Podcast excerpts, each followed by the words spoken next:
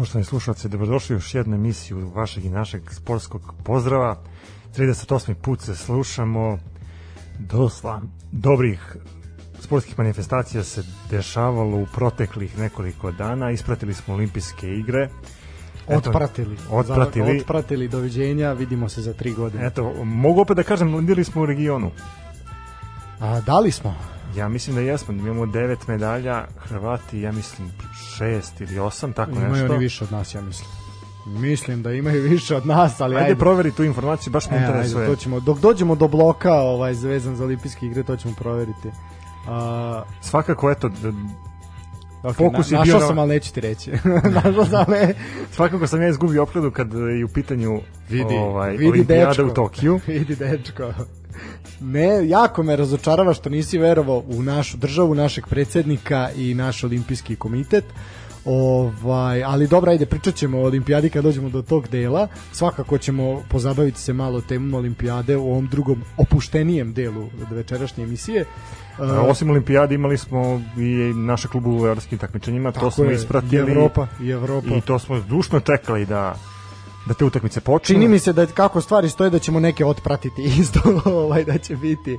Ali ajde, nećemo, nećemo ovaj nećemo to unapred, ali svakako naravno da ćemo i to malo prokomentarisati. E, imamo uzavrele teme sa sinoćnih vrelih terena ovaj domaće Superlige, kao i sad svakog ponedeljka i mogu ti reći da me ovo prilično simpatično što pratimo jedan meč ovako i u programu, ovoga puta je to Radnički Niš i a, TSC u Nišu. Mogu ti reći da poprilično prazan čair, ponedeljak, na malo bez veze Pa ne, termin. ljudi su ipak odlučili da slušaju sportski pozdrav. Pa tako je, to je. A vidi, nije ni za, nije ovaj, da kažemo, ovih puta nećete ostati praznih šaka.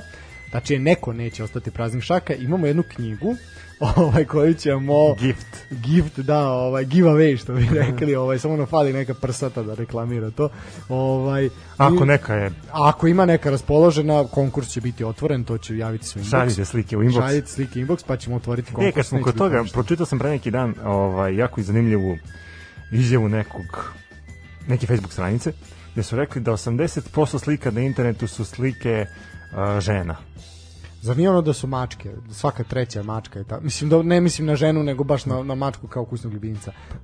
Pa eto, ja, ja, ajde da im, da im verujemo na tu tvrdnju da 80% slika koje posjeduju internet su slike žena, tako da A eto, dobro, bud- njih ima više, jebi. Ima ih više, duže žive, a generalno su lepše, ovaj, pa ono, ajde, kao, ima, ima smisla, razumeš, moguće, sve je moguće. Ovaj, da, pa, tako da eto, ovaj, svakako, imamo jednu temu koja je aktuelna i kojom ćemo se baviti tamo negde, ovaj, pa to je svakako centralna tema, tako da nam se javljajte preko Twittera, Facebooka, Instagrama, za komentare i za naravno pitanja neka i vaša predviđanja. Ovaj bavit ćemo se ovim što se dešavalo sinoć i što je poprilično uzdrmalo e, i širu javnost. Opet imamo tu vest koja je proizašla iz domaće lige koja je uzdrmala celu državu. Ovaj i to nekako to, to, to me posebno vabi ovaj da, da, da smo nekim normalnim okolnostima ova vez bi bila možda čak i srstna u kategoriji državnog udara, pa ja mislim ali- da ovo jeste kod na, pa, ali kod nas je sve to Pa normalno. vidi, pa ali oglasio se ministar. Oglasio se ministar unutrašnjih poslova na Pinku jutros, mislim, a gde bi Gde drugo? drugde? A gde bi drugo, da, kao i ono, kao ja puno razmišljam. Ovaj, pročitat ćemo i njegovu izjavu i ona je poprilično ovako zanimljiva. Ovaj, no, što bi rekli, ajmo, Ajmo od početka. što bi rekli babe, samo da je neki random, ovaj, tako da, ali mi ćemo ići redom. Idemo ono što sam ja ostao dužan prošli put, e, tačnije ja sam to pratio u toku emisije, u pitanju meče TSC i Kolubare, i sad onaj ko je mene slušao, zna da je TSC izdominirao ovaj u tom meču, zato nećemo mnogo daviti sa tim, reći ćemo da je znači bila apsolutno zaista dominacija, treća pobeda u tri odigrana kola, evo sada vijaju četvrta u Nišu. E, jednostavno je TSC pokazao zaista klasu za Kolubaru e, i sad šta, šta reći osim da je bitan naravno po, još jedan pogodak sjajnog Tomanovića e, prvenac Slobodana Stanojlovića u novom klubu znači za mom, mom, momak o kojem se onako često često pisalo a i mi smo o njemu zaista i pričali više puta i onako najavljivali ga da će biti zaista zaista fantastičan napadač i želimo mu sigurno onako je na blistava karijera pred njim ako ga povrede zaobiđe ako nastaje ovim putem prvenac u novom klubu postigao je i Stefan Vukić. E sad, dragi moj Stefane, seti se gde smo gledali Stefana Vukića prošle sezone. Da li se sećaš u kojoj ekipi on bio istaknuti pojedinac i stalno smo njega spominjali. Ako reći ću samo da je on postigao, ja mislim, a, jedini gol Partizanu u prvih nekoliko kola u a, nastavku takmičenja. Za koju ekipu je igrao? Ajde, mali Pa, kviz, ajde možda osvojiš Mohanđija. Ne znam, Za Čajetinu. Da Zlatibor. Da, iz Zlatibora je prešao, prešao u Kolubaru. Ovaj, tako Iz da- jednog zelenog tabora u drugi. Dobro, ovo su malo jače zelene. Da, ne, ovo je srpski Kako Sassuolo. lepo rekao, da, malo da, jače su. malo jače su.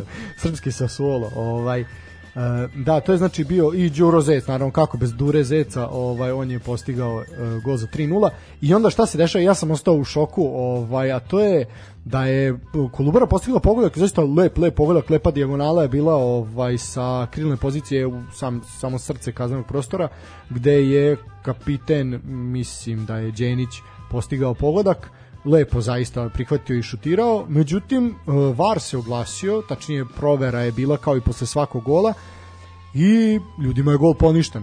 Svi, kažem, koji su slušali, videli su da sam i ja ostao u šoku, jer je zaista delovalo mah da je čisto.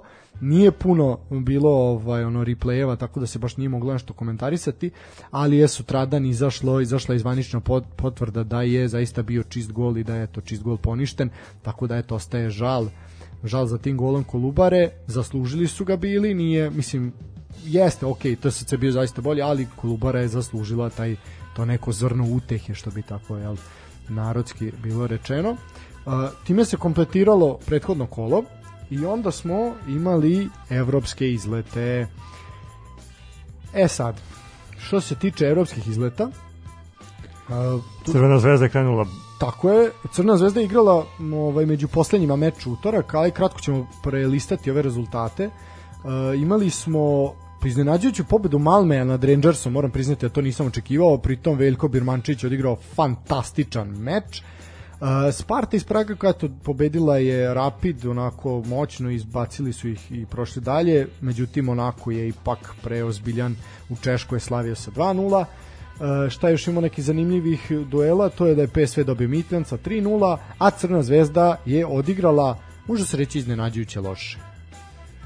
Pa znaš kako, ajde da, da pogledamo prvo eto, taj ponedeljak kada su igrali TSC i Kolubara, više proteku u, žrebu Efinom za naredno kolo da da ja sam to malo i sve to da. bacilo senku na, Misliš da je na to ove bacilo? utakmice koje su igrane uh, taj vikend. S- Mislim, s- cela sportska javnost je počela već da, da kalkuliše o da, navodnom, telje se ražanja zec je ne u šumi nego u prašumi da mm, pa pravo od si. navodnoj utakmici između Crvene zvezde i Dinamo iz Zagreba. Uh, konačno, eto, postoji šansa da se ovi klubovi sretnu u evropskim takmičenjima, međutim, put do tog susreta je trnovit i za jedne i za druge i za jedni i za drugi, eto, Da. Zvezda je na svom stadionu igrala 1-1 sa, sa šerifom. Da, znači Zvezda i mislim nije samo toliko sporan taj rezultat, mislim pazite, to to je otvor rezultat, gol gostima ne postoji, znači ono po bilo kakva pobeda Zvezdu vodi vodi dalje. Uh, legija stranaca zaista u Šerifu, znači to mislim on apsolutno su svi stranci. Odig, oni su odigrali jedan pristojan meč, pokazali su da imaju neki kvalitet, naravno nisu ni blizu Crvenoj zvezdi. Uh, imali su više od pola sata igrača više, ali nisu čak pokazali ni neku veliku želju da nešto posebno napadnu. Zvezda je zaista bila u nekom lošem ritmu veći deo meča, dosta su nervozni bili određeni pojedinci, eto može se isteći Ka- Kanga koji je bio onako, prvo nije apsolutno ništa futbalski pokazao, znači bio je gori nego inače, inače se ponaša kao ovaj ono na terminu malog futbala, ovaj put je bio i mnogo gori. Uh, po meni čak i bio onako jedna ozbiljna, ozbiljna rupa je ostajala iza njega. Uh, uspeo je da dobije eto i dva žuta kartona. E sad, gol koji je primila Crna zvezda ide na dušu apsolutno Milanu Borjanu. Uh, da mi je neko rekao da će Borjan primiti onakav gol, ja bi stavio ruku u vatru da je to nemoguće, da onako proceni Mislim loše. da je, da je i loše procenio loptu, mislim da je loše postavio živi zid. Sve je bilo loše. Znači ovo ovo ja, ja ne znam eto Borjana koliko gledamo u našoj ligi i to malo što ga se sećam iz Ludogoreca, on nikad ovakvu glupost nije napravio. Bilo je neki proplivavanja i nešto, ali ovako Ne, da kad, kad gledamo njegov nastup u, na evropskoj sceni, nikad nije imao ovakvu grešku i stvarno, što ti kažeš, eto, ide Da, baš taj gol na njegovu dušu, dušu apsolutno. E sad, ali to je nekako i uspelo da, da trgne crvenu zvezdu malo iz teletargije. pa da, ali Počeli su opet- da igraju od tog trenutka. Da, e sad ono što je po meni isto Stanković katastrofalno vodi meč, to mislim nije nije to prvi ovaj ove sezone. Taj uh, taj ovaj Dioni koji je to je zaista odigrao mnogo lošije nego protiv Kairata, ali uvođenje Krstovića, znači to je toliko loše, opet su ga pljuvali po forumima. Ovaj zaista ne, mislim ok, jasno je da je u poluvremenu morao da se menja uh, Kanga ili Sanogo pošto su visili za drugi žuti karton, a ne menjati Dionija, tako da zaista onako jedna loša odluka Stankovića. Odluka zaista u kojoj se može može polemisati. Uh, šta da kažem, nije to pretrano loš rezultat, ali moram priznati da je razočarenje. Uh, šta da kažem? Znaš kako, kad uzmemo u obzir da je Zvezda taj gol postigla na sreću. I da, možemo i to, može se i tako reći. Možem da i Mislim sve da, nisam da su teo izvukli maksimum iz, iz ove utakmice, obzirom kako su jako igrali. je tužno što im je to maksimum, da, da, tako je. Uh, a pritom, mislim, vidi, ja sam pričam siguran da će Ozvezda dobiti u Moldavi, da će uh, Mislim da će pristup biti skroz drugačiji, da će Stanković mora biti pobedu. drugačiji, mora biti drugačiji, inače mu nemaju šta da traže, mislim. E sad, to- interesantno je, ono, ima si prilike da gledaš tu utakmicu kao i većina uh, ljudi iz sportskih Da, poklonika u, u Srbiji. Hvala RTS-u na tome. ovaj, reci mi šta ti je ostavilo najjači utisak? A definitivno to što Zvezda nije izgledala kao tim. Znači, kao što sam rekao, Šerif nije kvalitetna ekipa, ali su igrali, igrali su kao Island, o- kao reprezentacija Islanda ili reprezentacija. Ovaj, znači, znamo da ne znamo, ali to što znamo radimo najbolje što umemo i to forsiramo. Uh, ovo Crvena zvezda nije ličila ni na što, nije ličila na ekipu. To se čeka da kad taj Ivanić nešto urade, Dragović da popuni rupu i u odbrani i to je to. Sve ostalo katastrofa. Ako Gajić nabaci neki centaršut, nabaci, ako ne, to je to. Mislim, s ove druge strane ne treba ni pričati. I uzdamo se da će Borjan odbraniti sve. Na, po meni, ovo nije izgledalo na, na, na timsku igru. Kažem, Krstović pod hitno u kolu, on je bilo priča će otići u Kolubaru na kaljenje. To je trebao da uradi. Krstović nije napadač za Crvenu zvezdu. Može mi pričati šta hoćemo, Crvena zvezda ne može da radi to što Partizan radi. Partizan se ne takmiči u kvalifikacijama za Ligu šampiona i ne zavisim od Lige šampiona, ovaj, mislim, e, naši klubovi zavise od transfera, zavise od evropskih takmičenja, od da. uspeha. Crvena zvezda troši mnogo više nego Partizan i mnogo više nego bili koji drugi klubi. Oni moraju da dođu u Ligu šampiona, inače su opet u debelom minusu. Može Zvezdan Terzić, doktor, da priča šta hoće, ali to je jasno. Ja, računica je jasna. Oni imaju spisak od 50 futbalera koje treba namiriti. Ja moram da kažem da to ja sam oduševljen a, posetom na, na stadionu, bilo je oko to- 25.000 Opet, ljudi. opet, to je već Stvarno jače zvezde su napravili opet sjajan ambijent. A, eto, šteta što je Zvezda odigrala takvu utakmicu traljavo i bez nekog rezona, ali eto taj gol im na kraju dao. Mislim da u poslednje tri utakmice e, su bilo je ukupno 80.000 gledalaca što je moraš priznati super, super. fantastičan, da. E, osim toga, e, ono što je meni jako, jako bilo interesantno je taj sudija koji je stvarno besprekorno radi utakmicu, između ostalog je Rumun. Znači, Rumun sudi utakmicu između Srba i Moldavaca. A, da, znači, vidi, kad, da, baš si lepo naveo to suđenje zbog sledećeg meča u kom ćemo pričati, koje je bilo poprilično jezivo. Pa ne, čovjek je odradio ok posao, mislim da ono, ni, nema šta, nema se tu šta nešto puno zameriti. A kad si najavio suđenje loše, pa možemo i u Rusiju, u Gradsku. Pa možemo, idemo znači onda sa, sa kvalifikacije za Ligu šampiona, selimo se na kvalifikacije za da, ajde, samo Ligu kratko- konferencija. kratko ću ali da- eto, reci nam šta se trenutno dešava na srpskim livadama. Trenutno je 12. minut, ima prekid je u Nišu, bože, otkud to? Ovaj jedan igrač je zadobio udarac, ali koliko vidim brzo je odmahnuo glavom i ustao. Što se tiče srede, ajde kratko ću samo, znači Benfica je dobila Spartak iz Moskve u Moskvi 2:0. Dinamo, kao što smo rekli, potencijalni protivnik Crvene zvezde odigrao 1-1 protiv Legije, pritom su uh, poveli, pa su imali još neke šanse, pa su na kraju primili gol. Ovaj mislim da je i njima oko vrata oko vrata taj taj meč potencijalni sa Crvenom zvezdom je sad vidjet ćemo da li će to biti i ono nešto što će ih što će im presuditi. Uh, I eto što još imam da izvojim, Ferencvaroš je dobio Slaviju iz Praga 2:0. To je onako poprilično zanimljiv rezultat. A znamo dokle koliko daleko je Slavija iz Praga prošle, prošle godine dogurala u Ligi Evrope. Meni je ovo jedan od interesantnih duela, Da, da, da, moram, moram priznati. ali očekujem iskreno prolaz Slavije, mislim da će da će odraditi posao u, Da. u Pragu.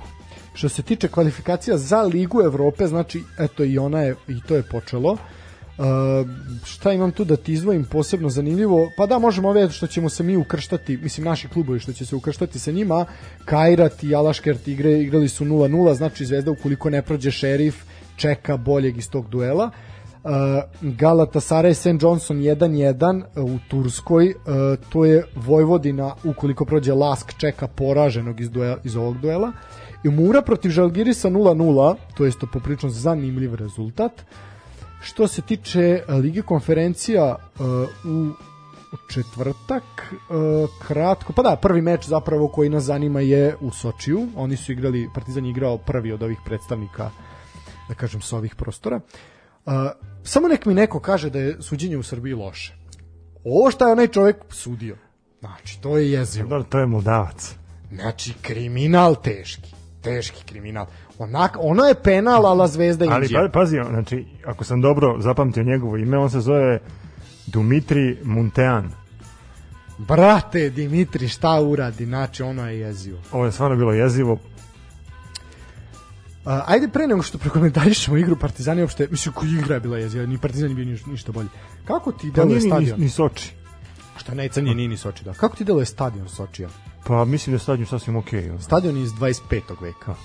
Znači ono je ono je ozbiljan stadion. Ono je ozbiljan stadion i mislim prvo i ozbiljne vrednosti, ali oni nemaju navijača, oni su imali 500 ljudi na bilo ni 500 ljudi na tribinama.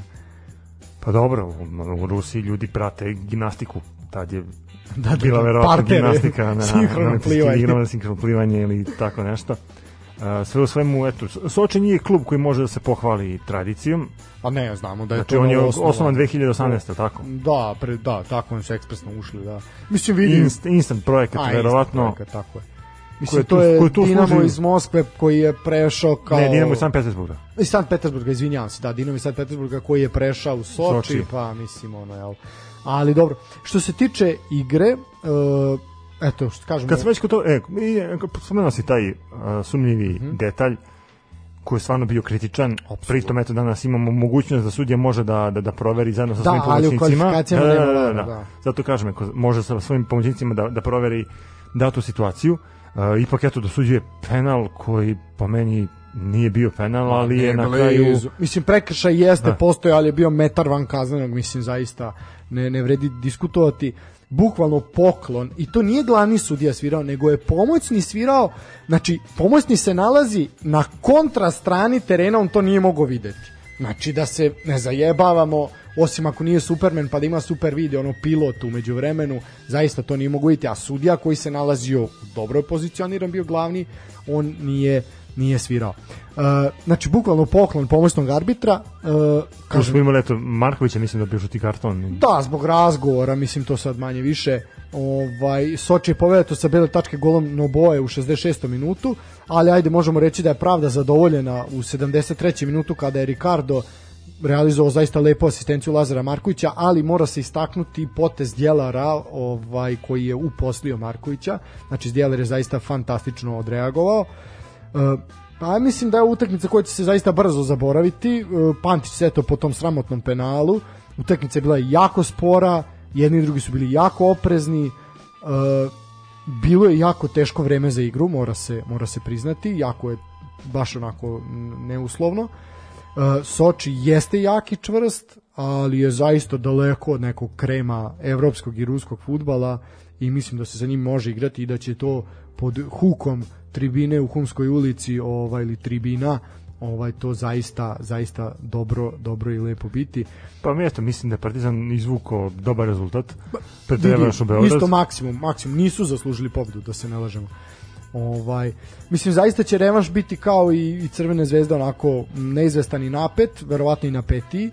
Uh, šta da kažem, ono recept kojim Partizan može da dobije je isti isti važi za Crvenu zvezdu.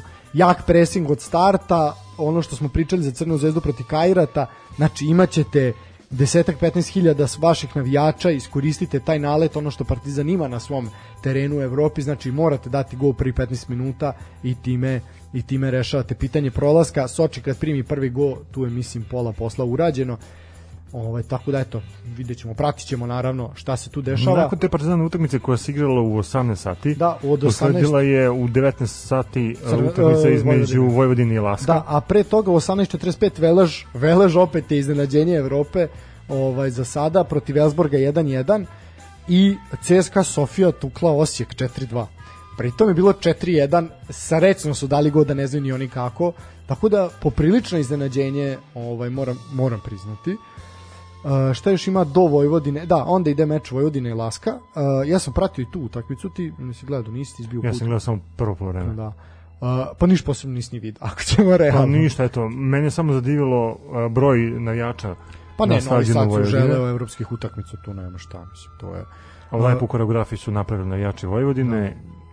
Uh, Vojvodina je bila eto borbena, ono što sam uspio da ispratim za prvih 45 minuta. Dosta defanzivna. Pa dobro, tako su i se predodredili, jer znali su s kim da, imaju apsolutno. ovaj problem i s kim igraju. Sve u svemu, eto, šta znamo, ovaj, Mislim- mislim, to smo i očekivali, Pa ali jesmo, eto, da. nismo očekivali da vidimo Vojvodinu tako borbenu. Znaš kako, uh, zaista ono, ne mogu da, ne pamtim da je Vo- Vojvodina u posljednjih, ajde ne znam, jedno deseta godina, koliko izlazi u Evropu redovno, makar u kvalifikacije, ovaj, da je odigrala ovako destruktivna, znači destruktivan defanzivan meč. Znači, dolazila je Viktorija iz Plzena, dolazio je Ro, ovaj, Roženberog, dolazili su Aze Alkmar je dolazio, Bursa je dolazila, znači bilo je tu imena, ovaj, nikad ovako nije, da, znači da bez, da toliko ono, kao da imaš 11 maskerana ono u ekipi koja će da pokvare napad, tako je to izgledalo. Ovaj, jednostavno ali to što smo očekivali smo Vojvodina tako igra, tako su predodredili sistem igre ove sezone i jako teško će doći do pozitivnog rezultata čak i protiv nekog tima iz Superlige a kamoli na, na nekoj evrosceni. Uh, zaista nema ono, niko nije tu sad nešto posebno kriv, ni ovaj čovjek što je dobio crveni karton, ni ništa, ni trener, ni jednostavno ekipa je izuzetno limitirana, to što znaju to Mislim, rade. mislim da su svesni ljudi u klubu sa, Apsolutno čime raspolažu. sa kakvim resursima raspolažu, ali eto oni se vade na tu borbenost, vade se na individualni kvalitet pojedinih igrača. Pa da, pritom najviše na Čovića, Topića, da, eto sad imamo povratak Simića, da. Vukadinovića, da, Simić je tu isto. Ovaj, mislim, kažem, zaista ne treba tražiti krivca, jednostavno tak, takva je situacija. Uh, apsolutno, ako nekoga treba kritikovati, to, je, to su ljudi koji vode klub. Uh, to je jasno i nosadskoj publici i to se vidi i čuje svaku, svaku utakmicu na Karadžiđu, jer imamo te povike ovaj, tu naj, najčešće navijanje u Srbiji, jel uprava napolje ovaj, ili upravo odlazi. Uh, sad kažem, mislim, jesu igrači Vojvodine dali svoj maksimum, ali jednostavno tim je previše skroman za neke bolje rezultate. Ima taj revanš, ali koliko je tu se nečemu nadati, koliko je realno, ne znam. Mislim, nada poslednja umire, to svakako, ovaj, ali zaista bi bilo onako čudo poprilično. Ja moram da kažem da sam bio iznenađen ovim rezultatom. Obzirom Očekivao na, više. Očekivao sam više, obzirom Pa da, na, na to kakav je re- renome uh, austrijske ekipe. Uh, šta da kažem, eto... Moram priznati da sam ja, pa mislim mi smo okačili Fino su se izvukli, mogu samo da kažem. prošli ali, su, prošli su, da, kako su se nadali, dobro su se dobro su Ali se iskreno da budem dobro. palaši me revanš Pa tamo. Da. Pa ja mislim da je Vojvodina ovim završilo učešće, ali ajde. Nek nas razuvere. Mi naravno nadamo se i pratit ćemo i ali mislim da Pa možda im se i vrati za sve ona ispadanja u ranim fazama. Ne, Uh, kvalifikacije za Ligu Evrope, eto imali su tu nesrećnu Austriju pre par godina, imali su i i mnoge druge Pa pehove. Da, i taj šerif isto nesretni i mislim zaista je to bilo onako ali stvarno čega. gledajući raspored na terenu mislim da Vojvodina ovde završava svoj evropski put nažalost. ali zato nas je pozitivno iznenadila uh, ekipa Čukaričkog Apsolutno. I ne samo zbog rezultata, nego zaista zbog svega viđenog. Fantastičan utisak.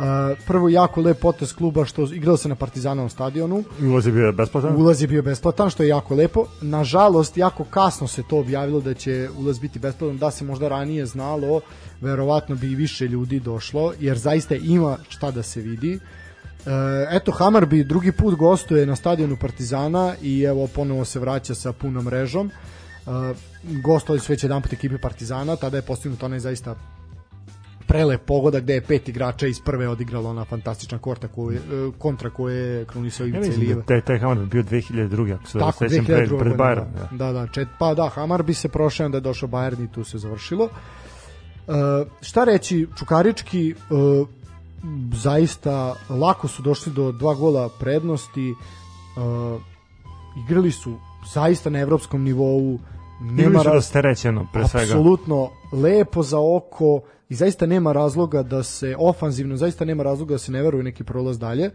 Uh, zaista ovaj eto mene ono što možemo da zamislimo kako bi Čukarički izgledao da ima 15-20 hiljada ljudi na stadionu ovaj kako bi to tek onda izgledalo ali dobro svakako je meč zaslužio makar 10.000 ljudi na tribinama i šteta je što to nije ovaj što se to nije ispunilo svakako je i taj uh, nastup Čukaričkog dokaz da je srpski futbal može se reći pocenjen i da je opet Čukarički pokazao da je sistem koji gaji zaista uspešan i plodonosan Uh, ono što ne treba zaboraviti, Đorđić je dao šansu trojici igrača koji imaju po 19 godina.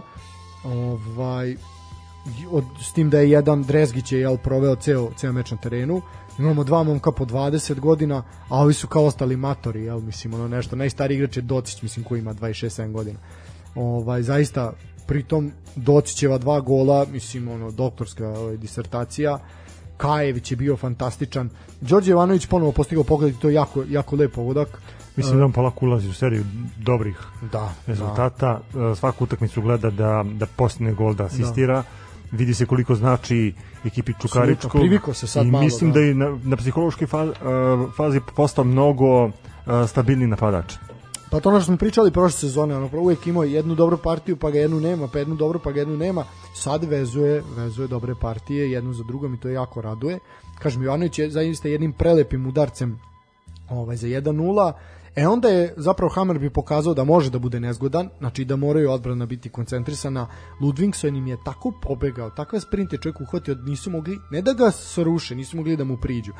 2-1, tačno to je bilo 1-1, Docić za 2-1 uh, sa kaznenog udarca i 3-1 Docić u 53. minutu, zaista, zaista lepa, lepa predstava i eto kažem, bravo, bravo za Brđane, a eto mislim da mislim da to oni zasluženo će proći dalje, apsolutno su pokazali da su bolji, samo neko odigraju tako ko što su odigrali u Beogradu i to zaista mislim da neće neće biti problema. E, što se tiče još ovih nekih ostalih rezultata, pa ćemo ići na kratku pauzicu. E, ono što treba e, izdvojiti je svakako iznena, najveće iznenađenje, a to je od dva, a to je da je Priština tukla Bodo Glimt, ovaj, to je iznenađenje dana, 2-1 je bilo u, u, na Kosovu, Uh, šta još? I da, TNS iz Velsa, New Saints je dobio Poznan sa 4-2, Poznan koji je onako u nekom očajnoj formi i trenutnoj situaciji, no dobro, šta je tu je. Uh, Santa Clara, eto, to je potencijalni rival uh, Partizana, ako Partizan prođe Soči, Santa Clara, Olimpija, Ljubljana, Santa Clara je dobila sa 2-0, a Ujpešt i Basel su i odigrali meč, to je duel koji je to zanimljiv momcima sa Banovog brda, znači ukoliko Čukarički prođe, čeka će po ovoj sada situaciji Basel, pošto je Basel dobio sa 2-1 i čeka i revanš uh, revanš kući, nešto sam verovatno preskočio, iako ja sam, nemojte mi zameriti, u suštini manje više to je to. Da, Hibernijan Rijeka, to, to sam hteo, to je još poslednji predstavnik sa, iz regiona. E, Rijeka ima povela 1-0, na kraju 1-1 pred ovaj revanš na Rujevici zaista ima fantastičan rezultat, mislim da će oni proći dalje. Ajde, daj da malo osvežimo grla, idemo na neku muzičku numeru.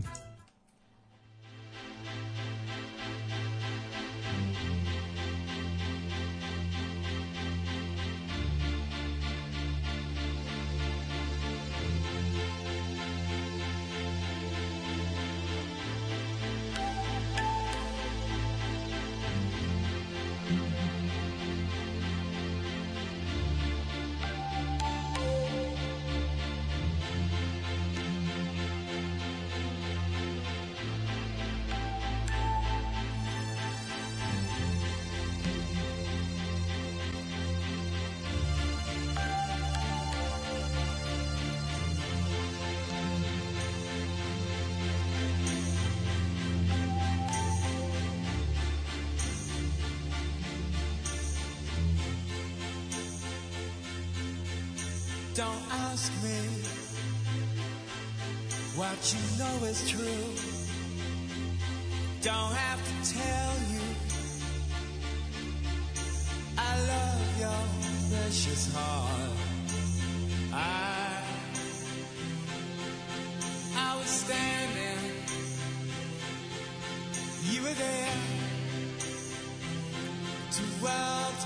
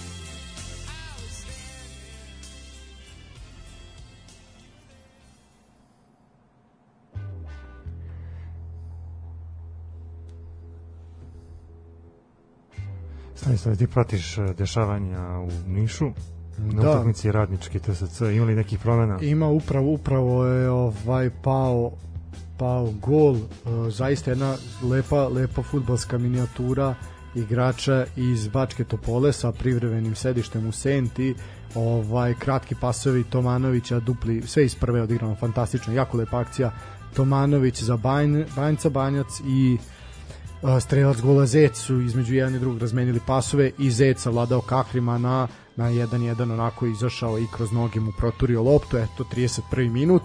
TSC zaista ubedljiv do ovog momenta. Viđene su po jedan udarac na obe strane okvir gola, ali bez nekih ozbiljnih šansi. Može se reći iz prve ozbiljne šanse su dali gol. Tako da eto, lepo, lepo, zanimljivo. E, ajmo sad se baviti našim livadama, dosta je bilo Evrope, ajmo malo pogledati u svoje dvorište. E, ovako, Koliko nam daleko pogled ide? a jebi ga zavisi, pošto smo kratkovidi, onda je tu problem. E, ovako, ništa, pa reći ću samo da je utakmicom između Javora i Loznice na stadionu kraj Moravice počela nova sezona u prvoj ligi Srbije. Ovaj, eto, taj drugoligaški karavan je krenuo. Toliko dugo iščekivani željen. Da, da, e ovako, Obzirom znači, da nismo znali na kraju koliko će imati ova ni liga učesnika, učesnika ni ništa, da. šta će se tu dešavati, Pa ovako, kakve će biti propozicije, ukratko. eto na kraju smo uspeli da saznamo nešto i samim tim liga je krenula kako je krenula. Nismo znali da do posljednjeg momenta da li će kabel učestvovati ili neće. Mislim zaista onako, ali dobro, to je Srbija, šta, šta očekivati. Ovako, za plasman u, u elitu borit će se 16 timova, igraće se prvo 30 kola po dvokružnom sistemu, znači piše, od sako zadatak iz matematike, znači ima 16 timova. 30 kola po dvokružnom sistemu. Posle Znači čega? 15 puta 2. Bravo. znači, a šta je sa 16. timom onda sad? Ko ima dvojku iz matematike, neko odgovori šta je sa 16. timom. Ovaj, Je, to možda bi moglo da bude nagradno pitanje. da, šta, šta će Šta je 16. tim uraditi?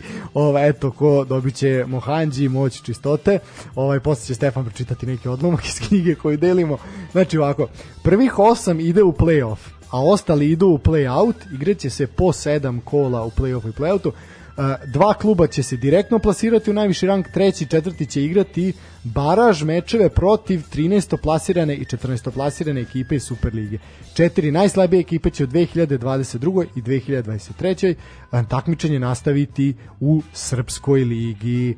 Pitanje za knjigu je znači šta radi 16. ekipa i pa može biti pitanje ovaj koliko će ukupno odigrati utakmica, da, ajde, to kome ide matematika. A vidi ga, ajde, broj, broj. Nije, nije brojem, naravno. broj, broj, na prste broj stranka, bilo fakultet završio. Ali društvene nauke, tako da mu opraštamo. E, ništa, ajde, pročitat ćemo kratku listu, e, listu klubova. Znači, Superligu znamo napustilo čak šest timova, trebalo je i više, ali ne veze.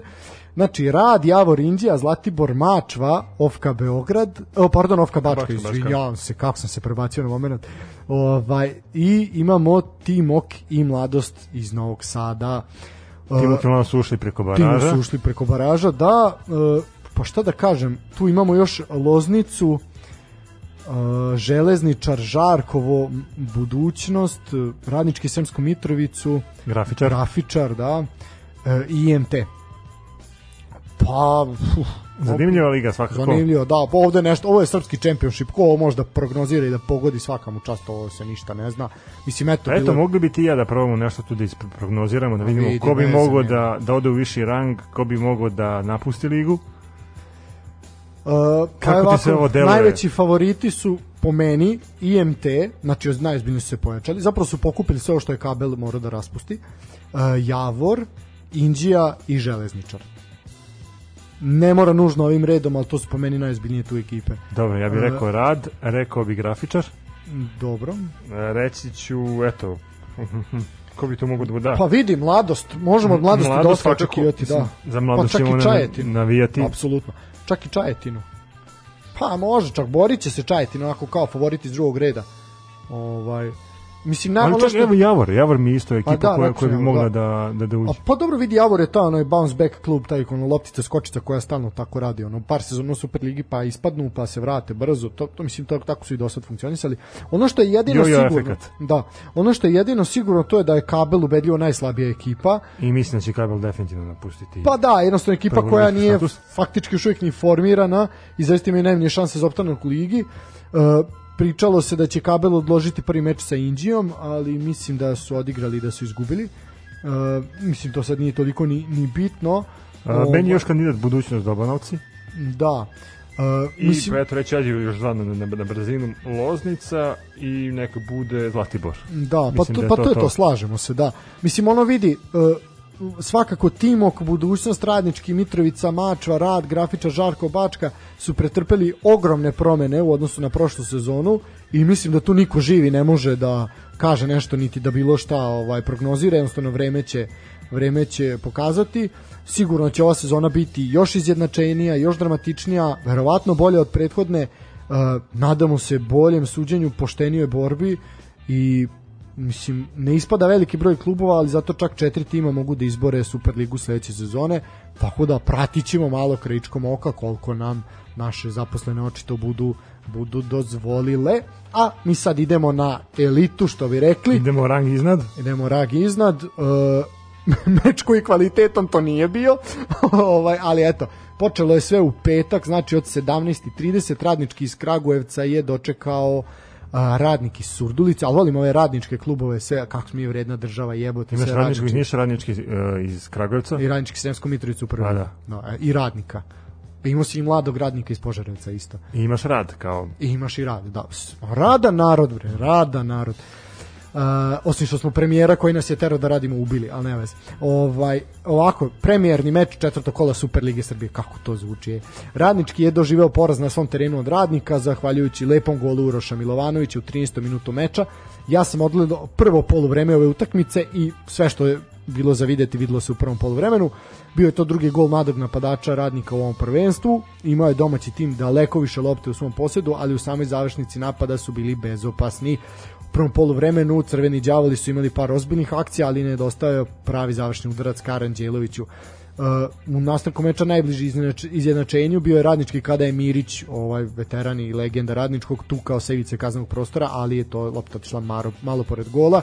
Sve do kraja radnik se ovaj umešno i organizovano branio, a posle mu je olakšala poprično stihijska, rastrzana i bezopasna igra domaćih. Uh, Surduličani su tako došli do prve pobede u sezoni, dok je radnički nakon dve uvodne pobede sada vezao i drugi Meni je malo iznenađenje, znaš, kao radnički silovito krenuo. da. Pritom poprilično interesantna utakmica iako rezultat baš nije pokazivao da je tako. Imali smo eto samo prilike- prvo poluvreme, Pa nije, prilike radničkog su bile onako baš na, na, na, na tacni u jednom momentu, ali nikako da, da uguraju taj Pa fali, fali im Tu jedan napadač, gol. fali im jedan napadač ozbiljno. Eto sad, mislim, eto šanse za mladog Krstovića, ovo bi bila idealan sredinan za njega. Pa mislim da, da radnički mora da se pozabavi s scoutingom za, Pa da, za naredni deo šampionata, Tako, obzirom tako. mislim da još uvijek je otvorena transfer pijaca, tako do 1. septembra mislim da je da, da mogućnost da se dovode igrači. Svakako utakmica koja je eto pokazala da, da i radnik iz Surdulice može da osvoji neki bod. E, Mi smo nekako krenuli sa njima nadajući se da, da mogu da ponove uspeh od prošle sezone. E, Nekako su ovim kolima delovali dosta nalitavo, što je pokazuje podatak e, na tabeli, ali su stvarno iznenadili sve ovim rezultatom i ovom pobedom u Kragujevcu. Da, ovaj, pa mislim u ovom meču se nema što zaista nešto posebno više reći od ovoga. E, tako da možemo ići na naredni meč. Ako je ovo meču bilo malo šta da se kaže, u ovom narednom tek ima malo. E, po meni najlošiji meč do sadašnjeg ova četiri kola Super lige. E, ono što je Crvena zvezda započela protiv Šerifa, nastavila je protiv napretka. Neubedljivo, loše, dekoncentrisano, rastrzano, zaista teškom mukom mislim da- savladano. Savladano Da dugo nismo gledali jako dosadan meč. Prvo dosadan, drugo ne pamti kad se gleda Zvezdu da ne može da se ovako poveže. Zvezda ne može da se poveže, napredak ne, napredak ne može da pređe centar. I sve se igra E sad, do, mo, gore okej, dole. Da, znači ovako, e, jeste Zvezda imala inicijativu konstantno, ali nisu stvorili nijednu veliku šansu za gol, nas, osim te situacije kad se Gajić fantastično snašao na centar šut Bena. E, vidi, napredak, ne da nema za čim da žali, e, jasno im je bilo, oni su i došli da bodove traže na nekom drugom mestu, došli su da ovaj meč odrade. Da su došli borbenije, siguran sam kao Vojvodina, siguran sam da bi ovako i Zvezdi uzeli bodove. Jedan, ako ne i sva tri. Tu eto Zvezda je postigla gol u kazu 77 minuta. No da, mislim, pred kraj meča. S tim da, eto, ono što kažem, Đuričić je na ovom meču ukazao šansu neku, nekolicini, popričao golobradih mladića, eto kako bi osetili draž igre na našem najvećem stadionu. E, ono što je svakako obeležilo na, osim eto te loše igre Crvene zvezde je taj sporan moment koji se desio u 90. minutu kada je VAR nije presudio i poprilično je VAR ovo kolo jako, jako grešio. Uh, imali smo eto tu Kolubaru gde ko je poništen čist pogled Magalj, to je prethodno kolo. Ovde je takav lakat Degeneka u glavu da je to ne za crveni karton i penal, nego za suspenziju. Znači, ono je sramota, onako čist lakat nije sviran, pritom VAR se nije oglasio. Onda ja pitam, gospodo, čemu onda VAR? Čemu mi pričamo i čemu, zašto onda radimo? Znači, prvo VAR se gleda 10 minuta i onda još donese pogrešnu odluku. Znači, do sada apsolutno samo zamerke. Ništa nisu uradili da je, da kažeš bravo svaka čast. Znači, zaista je jako loše i jako Znaš kako, čini, čini mi se da, da to gledanje vara od strane sudijske trojke dodatno demotiviše ljude u Srbiji da gledaju futbol. vidi, kad ti gledaš prvo, a to je ono što pričamo, znači ja već koju emisiju kako je počela nova sezona. Znači, tebi igrači počnu da, mislim, 7 minuta se gleda var, igrači počnu da cupkaju jer se hlade, jer moraju da se zagreju, pritom ti ne znaš šta oni gledaju. Znači, kažem ti, pa eto, pratio sam meč uživo u emisiji, da ljudi nisu pokazali ponovljeni snimak. E, da, ali su zato, na primjer, u Novom pazaru su povukli liniju kod četvrtog suminog gola, znači tu je kao izvučena neka linija. Pa jebe mu, a pritom kamera se vraća, znači unazad gleda trojicu sudija kako gleda na šest monitora gledaju utakmicu. Pa je li teško pokazati šta vraćaju koji snimak? Mislim, zaista jako, jako loše. Moramo, kritikujemo arenu, zbog mnogo čega, ali ovo je jako kriminalno. Jako kriminalno je da se ne zna, da se ne zna šta se gleda i kako se gleda. Eto, napredak je ovaj put oštećen, Kolubara je bila oštećena prošlo kolo. Mislim, eto, komotno svako kolo možemo dodeljivati nagradu ko je oštećen od strane VAR. Ovaj put je napredak najviše oštećen i mislim, nema šta. Eto, to je u suštini, u suštini što se tiče ovog meča, Crvena zvezda ne znam s kakvim optimizmom idu u, še, u Tiraspolj, šerifu na noge, mislim jedini optimizam što je to šerif i što je to Moldavija. Da je bilo da je obrnuta situacija, da idu Varšavu u Legiji na noge, Ili nekom bilo kojoj drugoj ekipi. a recimo ovo sam rekao zbog Dinama i mislim pritom ja sam slušao i gledao emisije ovaj a to ćemo ajde u odelu najave možemo sad malo krenuti kad smo već kod Crvene zvezde vidi, oni su već upisali pobedu protiv Crvene zvezde. Jer im je jasno da Crvena zvezda u ovom momentu ne liči ni na šta. To nije senka onog tima od prethodne dve sezone. Znači ništa ne pokazuju.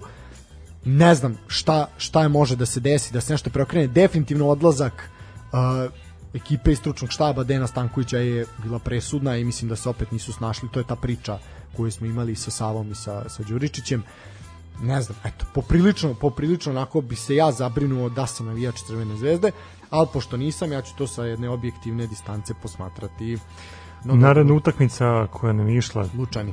bila je utakmica u Lučanima između mladosti i Spartaka. Da, ovo se sve dešavalo u petak, znači Lučani su već subota. Subota, da, da. da uh, prva Prili, po... poprilično interesantna utakmica. Da, pre nego što samo kreneš, uh, znaš šta je bila zanimljiva ovaj, fun fact za subot, subotnje mečeve? Nijedna od četiri ekipe koja je igrala u Suboticu, u, u Suboti, pardon, uh, nije imala pobedu do, do ovog kola. Znači, sve četiri ekipe, znači i Mladost, i Spartak, i Metaci, Proletar su tražili prve pobede u ovom u ovom Neki su ovaj, našli, kolu. neki nisu. A, to, evo gola, evo gola pred kraj poluvremena u Nišu. Radnički je izgleda izjednačio 45. minut 1-1 je samo kratko ćemo malo se baciti na taj meč. E to kakav pogodak sa 50 metara je čovjek za Ju, ju, ju, Znači, ju, definitivno kakav imamo gol kola. Definitivno gol kola, definitivno gol kola. Samo da vidimo. I to Nikola Aksentijević. Nikola Aksentijević, 45. minut, znači počela je nadoknada, 1 minut nadoknade. Kakav pogoda, kakva bomba sa jedno, pa 30, 30 i nešto metara, pogledaj. Stvarno, stvarno Fantastično. ra- raspalio je Znaš na šta me ovo podsjetilo? Kao gol za Partizan protiv Slobode iz Užica kad je dao na prvoj utakmici Partizana u Užicu. Tada je Partizan izgubio sa 2-1, ali kakva bomba. Kakav udarac. Imamo gol kola, definitivno. Svaka čast. Svaka čast Nikoli Akcentijeviću, fantastičan da udarac. se vratimo iz Niša u, u Lučane. Da, da, ne, ovaj zaista, zaista, ovaj kažem eto zanimljivo. E, da, e, ali je pogodak poništen. A zašto je pogoda poništena, reci mi, molim te. ne znam, sad otišlo je dok smo pričali. Ili, ili mora da... da ne, da- kraj, da po, evo, kraj povremena nema pogotka, nema pogotka, pa ništa, raspitaćemo se malo na pauzi šta se desilo tačno. Nema pogotka, sudija Novak Simović je poništio gol. Provalio sam da naše sudije posle svakog gola gledaju da li gola je. regularan i to ide u nedogled što bi rekao onaj poznati estradni izvođač ne znam kako se zove, nije ni bitno znate na kog mislim ovaj, eto, otišlo je to u nedogled ovo mi stvarno nije jasno zašto je gol poništen, ali eto, saznaćemo u narednih par minuta pa ćemo da vas obavestimo vezano za Aha, kaže, lopta nije ušla u gol, e, sa spoljne strane je probušio mrežu. Ajme, Srbijo, zemljo, letećih magaraca. Čekaj, lopta je ušla sa spoljašnje Sa strane u spoljašnje gol. strane ušla u mrežu, zato je Vari... Bože, bože, eto srpski Znači, futbol. Sa šupljim mrežama ćemo pred Evropu, sinovi moji, pa neverovatno, znači. Ne, a sad, sad mi u glavi predsednik koji kaže da će radnički imati najmoderniji stadion Ma dajte bre, imamo Daj, rupe u mrežama. mrežu, bre, čoveče. Pa dajte ribarske mreže, duše nema na nišavu se ne peca ništa.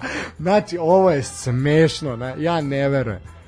Tolke pare... Stigla je poruka, kaže, stigla je poruka, zato što Simović sudi, zato je i poništio ovo, neko ima nešto To znači- protiv Simovića.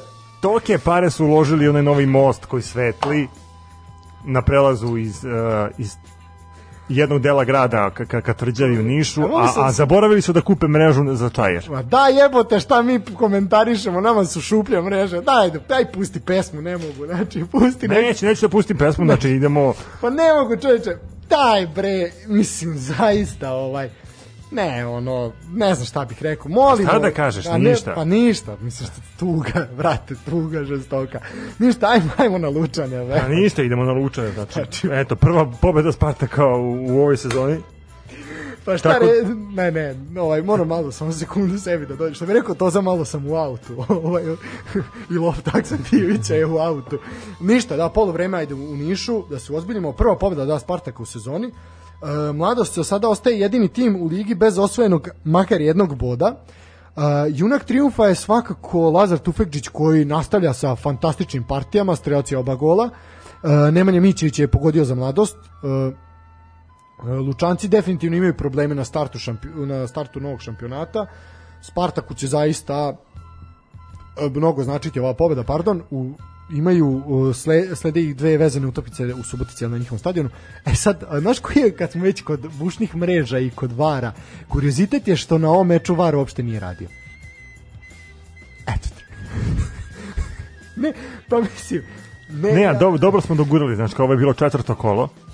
Dosta je radilo. Pa već u trećem je počeo, znači kraj trećeg je počeo da zajebava, već u četvrtom ne radi. Ne, pa ne ovo je, mislim, zaista. Ajde, kad- smo već kod Spartaka, moram da kažem, uh, Spartak je svoju pobedu ulovio.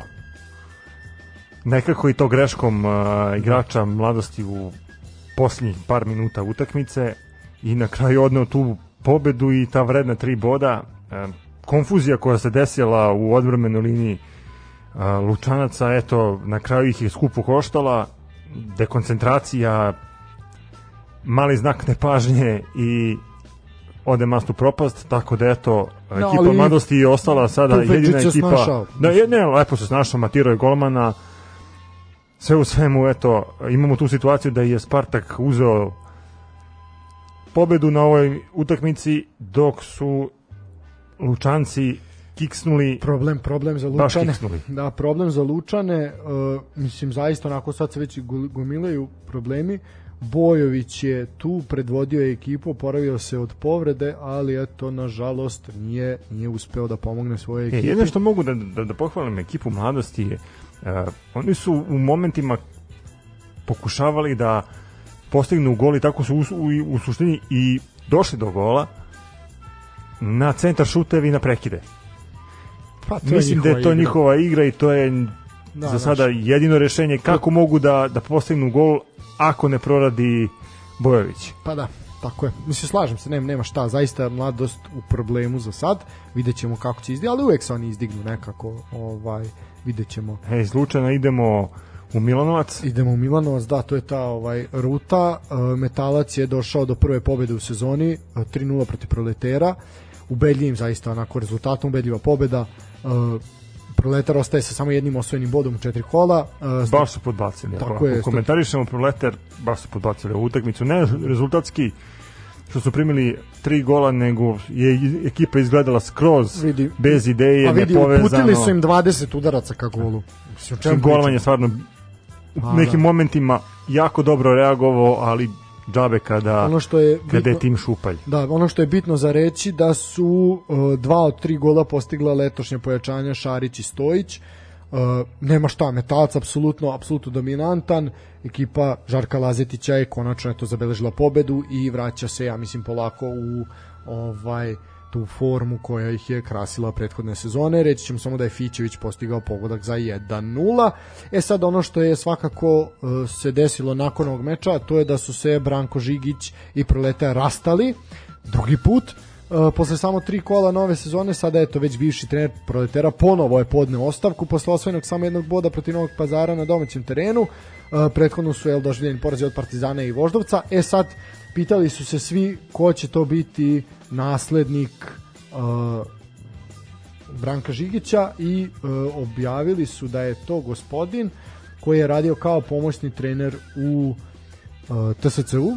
U pitanju je Dušan Bajić, on je rođeni novosađanin, ima 43 godine, e, radio je kao trener mlađih selekcija Vojvodine, radio je u Bečeju, a od januara je bio pomoćnik Mladena Krstajića u TSC-u. Ugovor sa proleterom je potpisan na 2 plus 3 godine.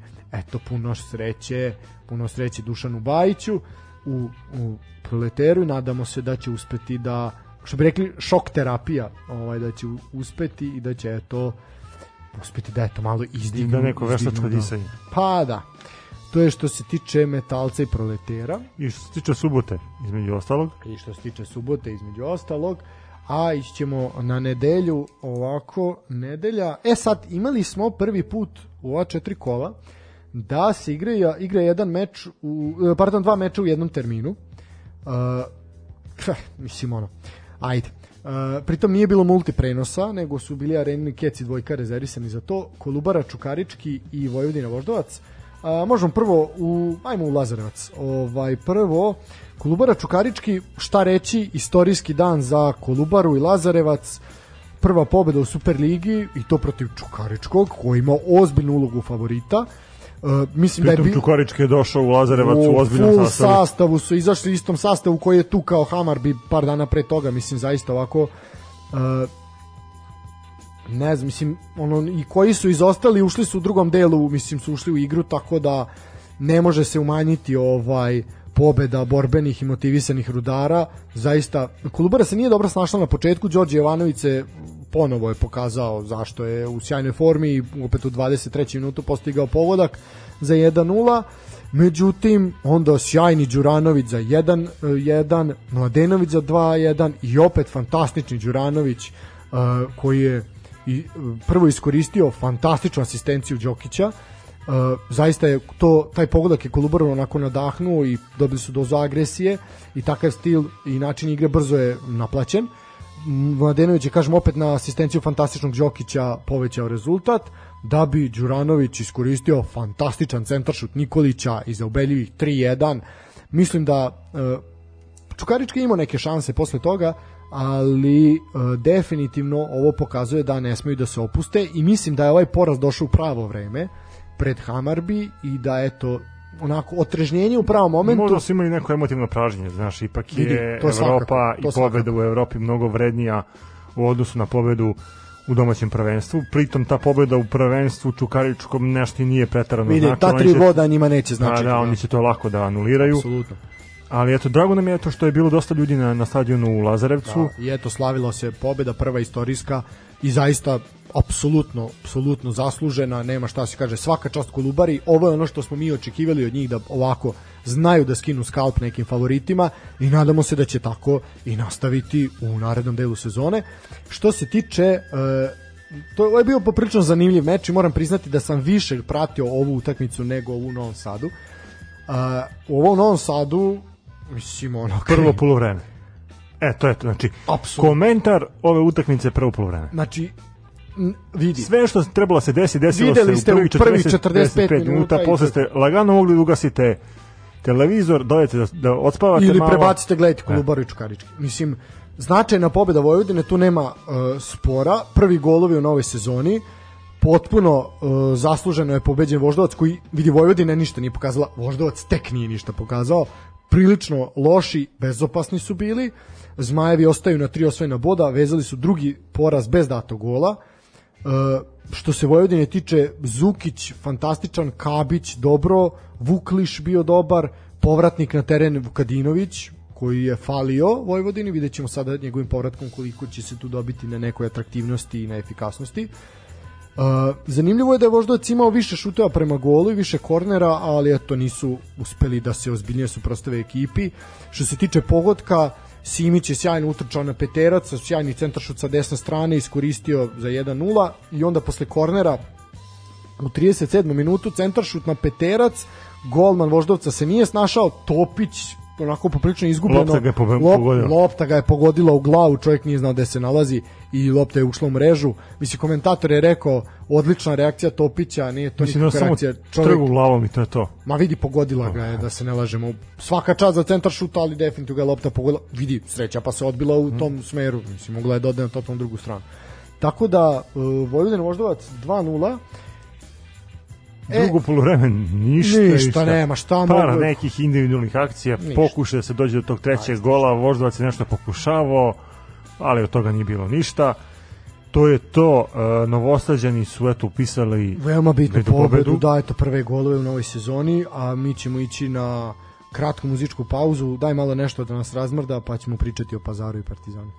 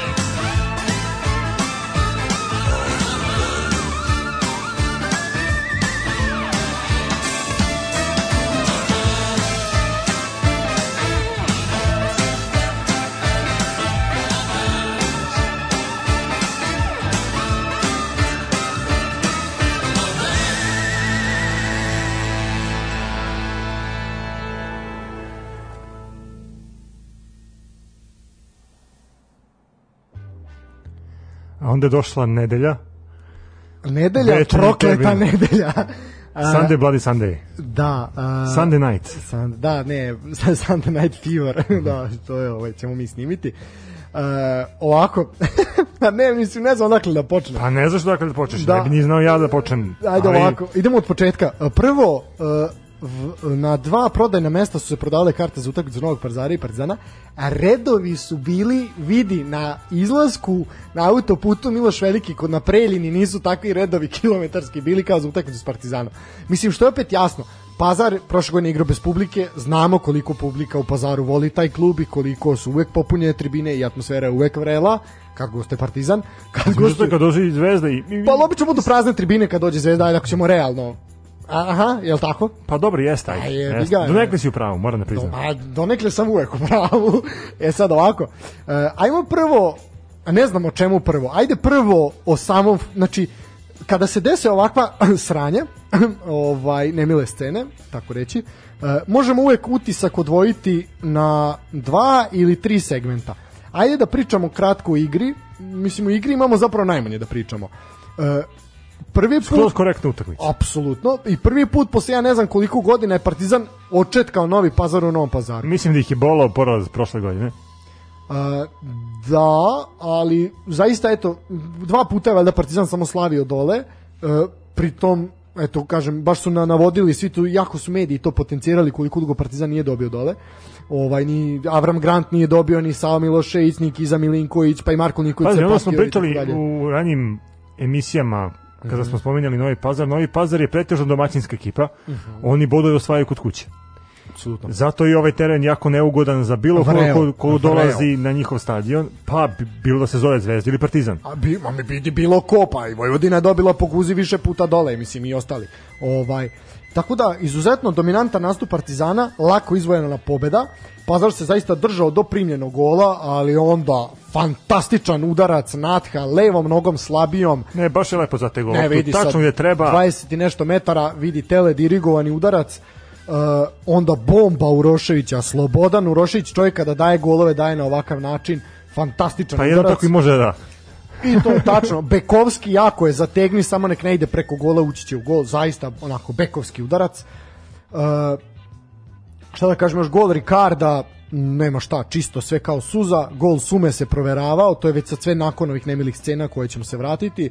Uh, Suma eto posle dužeg vremena ušao u igru, sa Samedom Baždarom fantastičnu minijaturu napravio na terenu, postigao pogodak, pokazao zašto je majstor. Po meni Suma mora da igra protiv Sočija. To je ekipa kao nacrtana za Natka i za Sumu zajedno. Znači Natko i Suma zajedno, Šćekić da bude treći, kraj. Tu se tim veznim redom ti dobijaš utakmicu. No dobro. Mihajlović je, Lazar Mihajlović je smanjio rezultat na 4-1 u 90. minutu. Fin gol. Fin gol, sjajan cetar šut. Pre toga ima jednu dobru akciju kada je Šćekić izgubio loptu, pa je pokušao, međutim... Da, nije- pritom uh, Mihajlović je bonus igrač. Da. igrač koji potpada u kategoriju mlađih od 21 godine i stvarno mislim da ovo znači dosta za njegovo samopouzdanje za njegovu dalju igračku karijeru. Da. E, Kada smo kod Partizana, Peto Partizan je demonstrirao silu u ovoj utakmici, nastavio svoj pobednički niz. E, Videli smo Partizan koji drugačije deluje na terenu. Uh, videli smo Danila Pantića koji je bio sasvim solidan. Ja moram da, da iskomentarišem. Stvarno nisam očekivao da, da on može da veže par nekih uh, situacija i par nije, utakmica jako neko, dobro. niko živi nije verovao da će ovako odigrati. Ono što kad pričamo o Partizanu kao neka negativna strana je to eto što je Partizan primio gol. Pa dobro, A, ali mislim. dobro dešava se, znači To je pa prvi kon- gol koji a, da. primaju u Superligi, mislim, baš tako, a nisu morali baš u 70, no kad u 90. Devet, 90 a vidi, minutu. 150 minut je bio realno. Pa ali mislim da od trenutka kada se desio nemil incident, od tad vreme već počinje polako da da gubi svoj smisao. U jednom momentu je krenula, pa jeste E, tako. pa vidi. U jednom momentu je krenula arena da da, da prikazuje kao 90 i E, plus vidio i taj to kao znači idemo Da. beskonačno. 25 minuta nadoknade sudija pokazuje, oni kreću da vrte 96 i onda vraćaju na 65. Uh, e sad, mislim u igri smo rekli sve. Vidimo da obojica gorimo od želje da počnemo da pričamo ono što se dešavalo na Pa terenu. naravno, pa mislim zbog toga smo i ovde, al tako. Tako je. Mislim, ajde, reći ćemo samo da je počelo drugo polovreme u Nišu, spustio se mrak na Čairom, vidjet ćemo da li će sad malo osveženje prijeti jednima i drugima, to ćemo pratiti. Evo ovako, uh, ovo je već koje zaredom kolo, a i naša emisija se bavimo ispadima navijača. I uvek su sada u ovoj priči su navijači Pazi, Partizana. u nekim situacijama znaš da kad je utakmica poprilično loša, navijači izvuku utakmicu da bude na tom nivou da Super, ne i priča. sad su izvukli, E, da. sad smo imali situaciju gdje je stvarno utakmica na terenu bila poprilično dobra, imalo je o čemu da se priča, imalo je materijala, imalo je mesa, što se žargonski kaže, a imalo je mesa i na, i na tribinama. A, ono što mene je stvarno iznerviralo u ovoj situaciji je to negodovanje e, sudije koji nije znao kako da postupi pokušavajući da umiri obe strane. U jednom momentu videli smo i trenera Stanovića koji je pokušavao da čak dođe do igrača Novog Pazara da ih natera da se vrate pa onda čekamo neku direktivu, ja ne Aj, znam sad od samo da koga. idemo- samo da idemo A, redom. Su, Da. između ostalog možda da, da dozovu Vučića da ga pitaju šta da radi u ovim situacijama, ali svakako to se odužilo, pa se odužilo i Da. na kraju smo došli u tu situaciju gdje smo došli. Ajmo ali redom, ajde da ajmo pričamo o redom, tome da. šta se desilo i zašto je do ovog došlo. E, ajmo redom. Znači ovako, e, kao i uvek kad se igra u Novom pazaru, gostujući navijači su smesteni u istom boksu, otprilike isti broj, znači i uvek ulaze negde sa sredinom, zakašnjenjem, sa da. zakašnjenjem, naravno to, to radi, sredinom. znači, i Zvezdi navijači, Partizanovi i Vojvodini i bilo čiji drugi. to je tako u Novom pazaru. A, Pošto ih policija sprovodi kroz čitav grad, ko je bio u Novom pazaru zna da su ulice izuzetno uske, nezgodne za prolazak, da znaju da ih sačekaju, ga- gađaju kamenjem, flašama i tako dalje. E sad, šta se dešava? E, zapadna tribina stadiona, znači to je e, tribina koja se nalazi iza e, klupa sa rezervnim igračima i trenerima je konstantno, znači sada e, pr, ajde, i ovaj utisak moramo razdvojiti na nekoliko da bi bili shvaćeni. E, prva stvar, znači zapadna tribina je prva počela. Nije sada da nju više osuđujem zato što su prvi počeli, ali de facto su prvi počeli. E, gađanjem, zasipanjem upaljačima, kovanicama. Prvo, kako ste uneli ko, Flašu vode. Kako unosite flašu vode od 2 litre i njome gađate? Odakle vam flašica vode od 2 litre? Kad se zna isključivo da na stadionu može da se toči u plastične čaše ili da se kupuju oni sokići, nektar, oni mali u kartonskoj tetrapaku, jel? Ovaj. Znači, kako ste uneli plastične flaše da njime gađate trenera Partizana u glavu?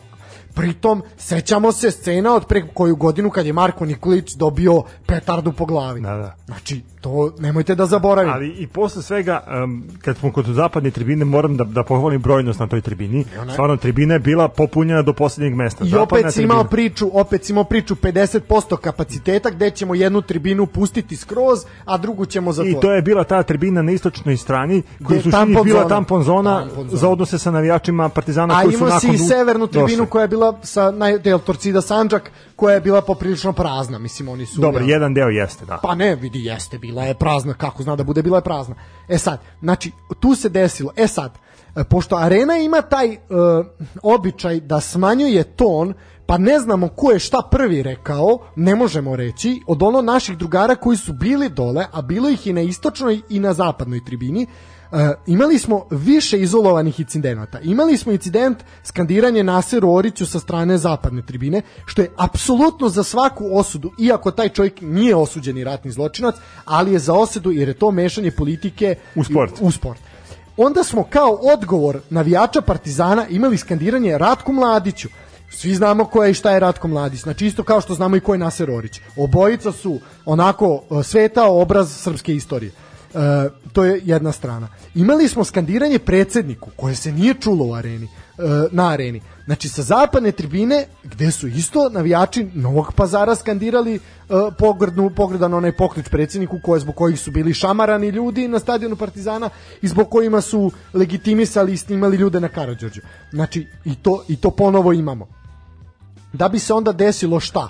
E, da bi igrači Novog pazara rekli mi nećemo da igramo, povukli se u tunel, a pritom da je sudija što ti kažeš ostao sluđen, čovjek nije znao šta da radi. Pa ne, ja sam vidio, znači on se vrti u krug, ono Nije kao znao, ide on izgubio. drugog, znači dolazi do, do predstavnika klubova kao pita o čemu se radi, šta da radi. E, imali smo onog simpatičnog gospodina u Da, da, kožnom da, da, da, prsluku, prsluku, da.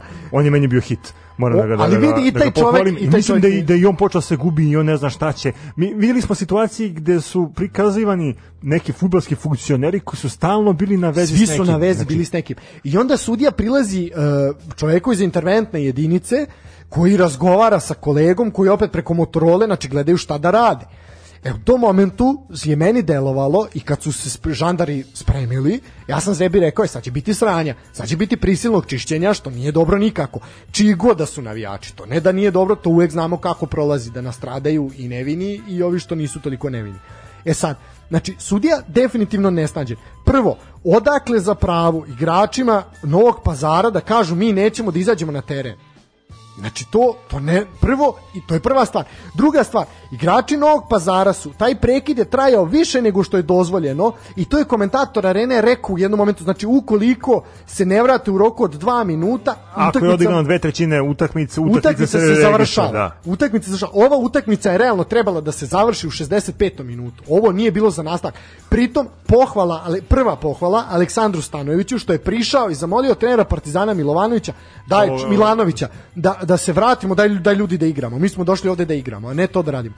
Po, uh, pohvala kapitenu Zdjelaru koji je prišao i smirio navijače. Uh, o navijačima Dobro, pa- ali i, i delegat je sam tražio od, od, Jeste. od aktera utakmice, ako pričamo o Partizanu, da Ali odu da zašto navi- navijače. zašto- zašto ali niko kapitan- nije, ali niko nije tražio od igrača Novog Pazara da odu da da da, da smire E tako je. svoje To je, navijače. to je moja poenta. Ako je Saša Zdjelar mogao da ode pred navijače e, Novog Pazara i da pardon navijače Partizana i kaže alo ljudi smirite se. Na što su ovi i stali što je najcrnije od svega. Zašto Mirza Delime, Delimeđac kao kapiten Novog Pazara ili ovaj Agan Spahić zašto nisu otišli i rekli alo ljudi nemojte. Alo, nemojte gađati ljude. Pritom Lazar Pavlović izašao sa povredom gde mu je rasečena usta, ga je pogodio u paljaču usta. Da. Sećamo se bacanja pirotehničke naprave sa ekserima, to smo zaboravili. Znači, uvek su incidenti na istom mestu, uvek su incidenti od strane istih ljudi. E, da ne bude da krivimo Novi Pazar, Novi Pazar je organizator ove utakmice i zbog toga ga treba da i bude sramote, treba da bude žestoko kažnjeni. Partizan treba da bude e, kažnjen po meni zbog e, navijača koji ponovo prave eksces. I ponovo ruž, ovaj put Partizan nije organizator, ali mislim da mora neko iz uprave da razgovara sa svojim navijačima. Iz kola u kolo, iz utakmice u utakmicu. U Evropi imamo ponovo istu situaciju da navijači brukaju klub. Ovo je, može da zameri ko šta hoće, ovo je brukanje kluba. Znači, bez obzira što su oni bili isprovocirani. Znači, to ne sme da se radi. I izjava Aleksandra Stanovića je apsolutno na mestu. Znači, dođite e, 90 Održite klub. minuta, bodrite klub, putujete jebote 500 km za Novi Pazar iz Beograda, iz Novog Sada, iz Subotice je bilo ljudi, pa jebote onda bodri klub 90 minuta, nemoj to raditi. E, ono što je pohvalno su navijači Partizana bez sile izašli s terena. Znači, e, sa Dobro, tribina. Da, i ostali su ispred stadiona i nakon pola sata su Okej. skandirali ime opet Ratka Mladića i opet su pozivali na, Na šta je meni naj, najtužnije na sad? pojedine neka verska i nacionalna... i Srebrenicu, znamo šta se skandira, nećemo to pričati o tome. Mi smo prvo i pre svega se bavimo sportom. Znači, e, ono što mene, mene nekako najviše nervira, što su tu klinci, uh, vidi, svako ima pravo na svoje političko ubeđenje. I to kao i na versko i na svako. To I tu potpuno se slažem i podržavam. to ne, ne, ne zalazim. Uh, ali ljudi, nemojte na stadionu. Za koga se igra taj fudbal? Gde su ljudi koji su se znači kleli, pustite nas na tribine, dajte da gledamo fudbal, dosta je praznih tribina i onda dođeš na tribinu da bi iskazao političko nezadovoljstvo. Idi jebote na ulicu, pa štrajkuj ako si nezaposlen, idi, ruši vladu, pali skupštinu, nije nikakav problem. To se radi na ulici. Stadion nije mesto za politiku. Stadion treba da bude mesto gde će porodično da ide da se gleda fudbal. Nakon ovoga sad, ja sam nakon onoga incidenta u Beogradu gde smo i prisustvovali, jelo bojica, rekao da bih razmislio debelo da li bih svoje dete odveo na stadion. Jer prvo, postoji, prva stvar, postoji iracionalan strah organizatora meča od publike nije uvek iracionalan, ali evo vidiš, postoji izuzetak koji potvrđuje pravilo. Znači, to je tortura za decu, za bilo koje ko dolazi. Zato, zbog ovakvih situacija, to je prva stvar. Druga stvar, ja nikad kao roditelj ne bi sad, da živim u Novom pazaru, ja ne bi odveo više na stadion. Žao mi je, ali jednostavno ne bih. E, išao bi u Čajetinu da gledam, da gledam Znaš kako, meni je žao što eto, mi nemamo tu mogućnost da Kulturu. čujemo navijače Novog pazara kako oni gledaju na celu ovu situaciju. Imali smo prilike da pričamo sa Oni će sa reći da su oni isprovocirani. Ne, pazi, da, da, da, se Pa, mi, da se mi nalažemo utakmica je krenula tako što su navijači Novog pazara krenuli da, sa, sa skandiranjem ovo je Turska, Naser Orić i vidi, sve s- to. apsolutno je svega bilo. I onda ti izađe ministar Vulin, koji je ministar uh, unutrašnjih poslova, i kaže, pa kako to u Srbiji, neko sme da viče, ovo je Turska, kako to u Srbiji, Pa vidi kako u bilo kako to nije jel evropske vrednosti bogat. Mislim neću da čitam, samo ću se još više iznervirati. Ali u suštini stao je, del, deluje mi da je izjavom stao na stranu navijača, molim te nađi izjavu, molim te ukucaj, ukucaj ministar Vulin o skandiranju, ovaj, da prokomentarišemo, ja ću izneti svoje mišljenje do kraja. Znači, uh, prvo, u bilo kojoj normalnoj državi ovo se ne bi dešavalo, a drugo, ni ministar Vulin ne bi bio ministar, nego bi gulio iza rešetaka debelu robiju.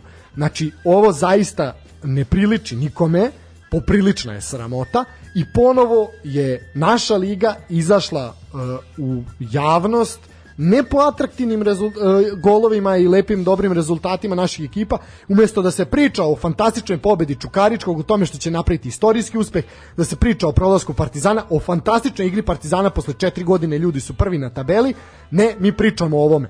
Sramota i bruka. Evo, da, da, da pročitam Ajde, izjavu izjavu. uh, Aleksandra Vulina koji je dao za, za medije. Kaže, kada navijači Novog Pazara viču Vučiću pederu, to nije razlog za prekid meča. Baš kao što ste, skandiranje Kosovo je pored Srbije ili Alija Alija, mi smo tvoja armija, takođe nije razlog za prekidanje utakmice. Potpuno netačno, ali ajde. Ne, apsolutno je razlog, mislim. Kaže, skandiranje navijača Partizana noć žica Srebrenice jeste po mom dubokom uverenju dovoljan razlog da se meč prekide, ali zašto skandiranje žuta kuća nije dovoljan razlog za prekid meča? Zašto je skandiranje Ratku Mladiću dovoljan razlog za prekid fudbalske utakmice, a klicanje Naser Oriću nije u pitanje Vulina? E, znači, prvo, kao neko ko obnaša funkciju e, ministra unutrašnjih poslova, vi biste, gospodine Vulin, trebali i jedne i druge da osudite, a ne ovako. Znači, i jedno i drugo je za osudu. E, ja ne bih rekao da je postojala zla namera sudije. E, mislim da se čovjek samo nije snašao. Da se čovjek Ma nije... na kraju išu po situaciju sasvim dobro, Vidi. da se ne lažemo. doći ćemo i do tog dela. Stigla je poruka, kaže, gorite kao deponija u Vinči.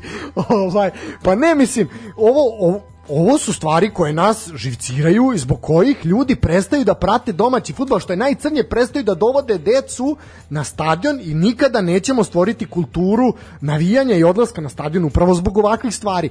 Pritom najtužnije od svega, po meni, što masa tih momaka koje je skandirala to što je skandirala, ma i na jednoj i na drugoj strani, su rođeni vidi, u 21. veku 80% njih na toj tribini i severnoj i ovo istočnoj, znači rođeni su kad je već uveliko svo sranje na ovim prostorima završeno.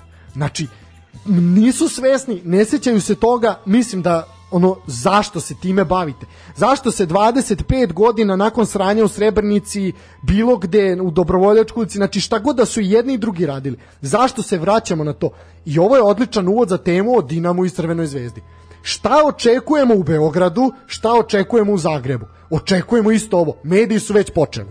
Znači, Pa već su počeli sa onog Zagrebom. dana kada je saznao da, da, da Zvezda kao potencijalni Apsolutno. Rival može da dobiti Dinamo. A da vidiš kakva je najava bila u Hrvatskoj. Znači to je ono što sam ti rekao, ti nisi nisi ispratio, ali sad ću ti ja obradovati. Znači u subotu, mislim, u subotu jeste je bila igrana je utakmica u Velikoj Gorici, znači to je nedaleko od Zagreba, Hajduk je gostovao, e sad, ko ne zna, verovatno ne znate da u Hrvatskoj morate da urite PCR te, tačnije ne PCR nego antigenski test Da bi ispred, da biste ušli na stadion, stadion, znači e, klubovi sponzorišu testove da bi jel, ušli na što više navijača na stadion. Znači, neko je putovo od Splita do Zagreba ili do Gorice, nebitno, da bi e, bodrio Hajduk u teškoj momentu kakav se zaista nalazi i onda e, najavljujete meč protiv Crvene zvezde na takav način, sad ću ti pronaći, da, e, mi Hrvati ne pijemo vina, samo krvi četnika iz Knina. E, dok se na severnoj tribini na kojoj su se nalazili bio je transparent na kome je stajalo kada mi trava pokre grob, majko ne plače, ti znaj da Hrvat neće biti rop, niti će ga nestati. Mislim, ono, niko, ko će vas istrebiti, nik nema straha ni od koga. E, mislim, Torcida onda pevala i neke pesme i to sve. Ali pazi, to peva Torcida. Ma to peva ko- Torcida da koja koji nema veze s tim. Da. Koja nema veze s tim. Šta da očekujemo od Zagreba koji će se sjatiti ceo onda na stadion? Šta da očekujemo u krajnjoj liniji od Beograda? Pa nismo ni mi ništa bolji. Dobro, pazi, znači 90-ih uh, je postojala, odnosno kraj 80-ih, početak 90-ih, postojalo prijateljstvo između Bad Blue Boys i Torcide, koje se baziralo na tome i ispoljavanju nacionalne i verske mržnje prema ostalima koji ne potpadaju I mržnje, pod ti- ali i s druge strane njihovog jedinstva. Da, I svakog jedinstva, da, da, hrvatskog jedinstva. A mislim, Ovaj- Dinamo i Hajduk dva su kluba bratska, njime se ponosi cijela Hrvatska. To je bilo od navijanja. I E, sećamo se da su išli zajedno unutak. Tako. I sad imaš ovu situaciju, uzmeš da kao Torcida i Hajduk priča neke priče i poteže tu temu vezanu za odigravanje utakmice gde oni uopšte nisu akteri. Ma, pa to Ja mi je najcrnije od svega. teški. Znači, 31 godinu se čeka na duel Crvene zvezde i Dinama. Crvena zvezda, da se mi ne lažemo koliko se ljutili navijači Partizana, Crna zvezda je trenutno šampion države, naš predstavnik u najelitnijem evropskom takmičenju. Uh, Dinamo, koliko god se Hajduk ljutio, je najveći hrvatski klub poslednjih godina. Znači, i odmah se povela polemika, da li uopšte pametno radovati se tako meču, da li se treba pribojavati. Odgovor je naravno dvosmislen, i jedno i drugo. Ja se trenutno pribojavam, iako sam se radovao i mogu da reći da živim za takve mečeve i sam znaš da ja uvek navijam da to da izvučemo klubove iz regiona, da bi videli gde se mi nalazimo u odnosu na njih. E, nažalost, niko, ali ne, pa ne mogu reći niko, ali 80% ljudi neće gledati kroz sportsko rivalstvo, nego to da vidimo ko je bolji, ko se trenutno gde nalazi, nego ćemo gledati kroz političku prizmu. Pa jebote, rat je završen pre 25 godina, a je moguće da netrpeljivost i dalje prisutna. Pritom je pumpaju mediji i pumpaju je naravno grupe interesne kojima to odgovara. Ja se zaista nadam da će razum preovladati i da će mislim one neke granice postojati makar dobrog ukusa da neće biti ovaj kako da kažem poremećene, ali eto vesti već za vikend u susedstvu su nas demantovale. Zaista uh, pritom što ti kažeš, izazvala je navijačka grupa koja nema veze ni sa Crvenom zvezdom ni sa, ni sa Dinamom. Dobro, da pogledamo, na primjer, kako su prošli, eto, Zvezda igrala 1-1 kući sa, sa šerifom, Dinamo isto sa Dinamo isto Legijom, 1-1 sa, sa Legijom, a, prilično nezgodno gostovanje i za jedni i za drugi i pitanje je uopšte da li će do tog me, meča i doći. A, ono što spomenete, kažem, eto, ti si još spomenuo, mi priželjkujemo duele a, klubova sa ovih prostora u evropskim takmičenjima i nekako se to poslednjih godina a, sve više potenciralo kad su u pitanju Zvezda i Dinamo, obzirom da su obe ekipe poprilično uspešne u Pa kvalifikacijama definitivno za, su za. Da, da, mislim, nema tu priče. E, eto kažem, poslednji, ja se samo nadam, a mislim, a već se priča o tome, već se priča opet o, pardon, 13. maju 90. godine, opet o tom haosu na Maksimiru. Znači, ajde ono dokle više. E, pritom, samo što jedna stvar što se tiče Torcide, da završimo s njima, znači, bavi se navijačka grupa čiji klub je ispao iz Evrope u pretkolu, znači prvom, od, i to od Tobola, za koju igra Zoran Tošić, koji je ono već debelo penzioner. Svaka čast Zoranu Tošiću, ali nemoj da se zajebamo. Znači, bolje se bavite vašim klubom nego što pričate. Pa ne, pa znaš da mene to ne vre, zato što ja ono, imam simpatije prema Hajduku i imaju ozbiljan tim, su sastavili ove sezone, ne ide im, ali aj bavite se vašom igrom i vašim igračima, šta vas briga, šta će, mislim, crvenom zvezdom. Još pritom, u nevreme se godišnjica oluje. Znači, Pa fantastično to, se je- to je sve taj kolorit koji mora da bude tako upakovan. Svako leto, Da, da, svako mislim. leto, eto, imamo A, tu. kratko samo ću reći TSC vodi sa 2:0 a u 63. minutu Saša Tomanović ponovo vodi dovodi ovaj ekipu povećava vodstvo i sigurno sam nosi Tri boda. tri boda u, u Sentu. Uh, Znači, TSC ima 4-0. Da, pa isto koji Partizan. Ovaj, tako da, ne znam, eto, ja bih voleo da, da šta, šta kažu naši slušaoci, da, eto, mislim, mi ćemo malo da se izduvamo ovaj, od ovoga svega. E, da, šta kažete vi, mislim, da li se vi radujete ovom meču, ne radujete, da li se pribojavate ovog susreta, E, šta ćemo dobiti u Beogradu, šta ćemo dobiti u Zagrebu, da li će ono izlačiti živu glavu, neće, mislim, ne znam, mislim ovo je poprilično, poprilično jeziva situacija i nažalost mi se u 2021. godini bavimo Ratkom Mladićem i Nasirom Orićem na stadionu, a ne bavimo se Ma vidi, da, ono, mislim, o- a čekaj, o čemu mi pričamo? Pa jebote, bušne su nam mreže na stadionu, lopta ulazi sa spoljašnje strane. Dobro, pa pazite, to pričamo vezano za Srbiju, ali ni, ni bolja situacija nije ni u Hrvatskoj. Ma nisam ja rekao da su oni bolji od nas. Ne, oni jesu ušminkali svoje terene, to izgleda lepše. Imaju hibridne travnjake, pa to sad lopta brže klizi. Imaju dobru ligu. Ali se... I to, ali I vidi, antigenski test ispred stadiona. Da, ali se to bavi isključivo, jedna navijačka grupa se bavi. Znači, isključivo se bavi Torcida. Bad Blue Boys se u posljednje vreme zaista ne bave time toliko. Ovi imaju, jednostavno, ono što je rekao, završit ćemo ovaj segment sa, sa izjavom Stanojevića, znači, e, ovako, ljudi u našem prvenstvu svake sedmice imamo samo sat i po vremena da nas podržite. I umesto da to bude vetar u leđu timu i klubu, slušamo milijardu različitih par parola. Pitam se šta je svrha, zašto se ja bavim ovim poslom ako ti tvoj rođeni klub nije najdrži, da se samo njime baviš. Znate, ceo život radim za tih 90 minuta i onda se 75 minuta bavim nekim drugim stvarima. Razočaran sam, a sve je počelo super kao pravi spektakl. Da bi se odjednom ni iz čega pretvorilo u ludilo i sa njihove i na naše strane koje nema veze ni sa čim. Sravno. Meni je Partizan ideal, umro bih za njega, sve sam mu podredio, tako sam vaspitan i zato mi nije jasno da se 90 da se navijač 90 minuta a, ne bavi svojim klubom. Isto važi i za uh, navijače Torcide, isto važi i za navijače Crvene zvezde, za Pazara, za sve. Znači, ljudi, 2021. godina, bavite se uh, svojim klubom, onim što ne valja u svom klubu, jer nijedan klub nije idealan trenutno, pa čak ni ovaj što je šampion. Znači, bavite se onim što ne valja u svom klubu. Nemojte koristiti tih sat i po vremena za ličnu promociju i za promociju političkih dela. Znači, politikanstvo ostavite za ulicu, ostavite za sindikate i radničko nezadovoljstvo. Ako ste radnici, ako ste nezaposleni, onda na biro. Ali ovo zaista nije mesta na stadionu. Molim vas, nemojte to raditi. Imaćemo prazne stadione, što najgore bit će kažnjeni, vidjet ćeš, ovaj, igraće se bez publike, e onda će nas i zatvoriti, pošto je broj zaraženih sve veći i veći, i ko je uživao na stadionima uživao, to je to doviđenja prijatno.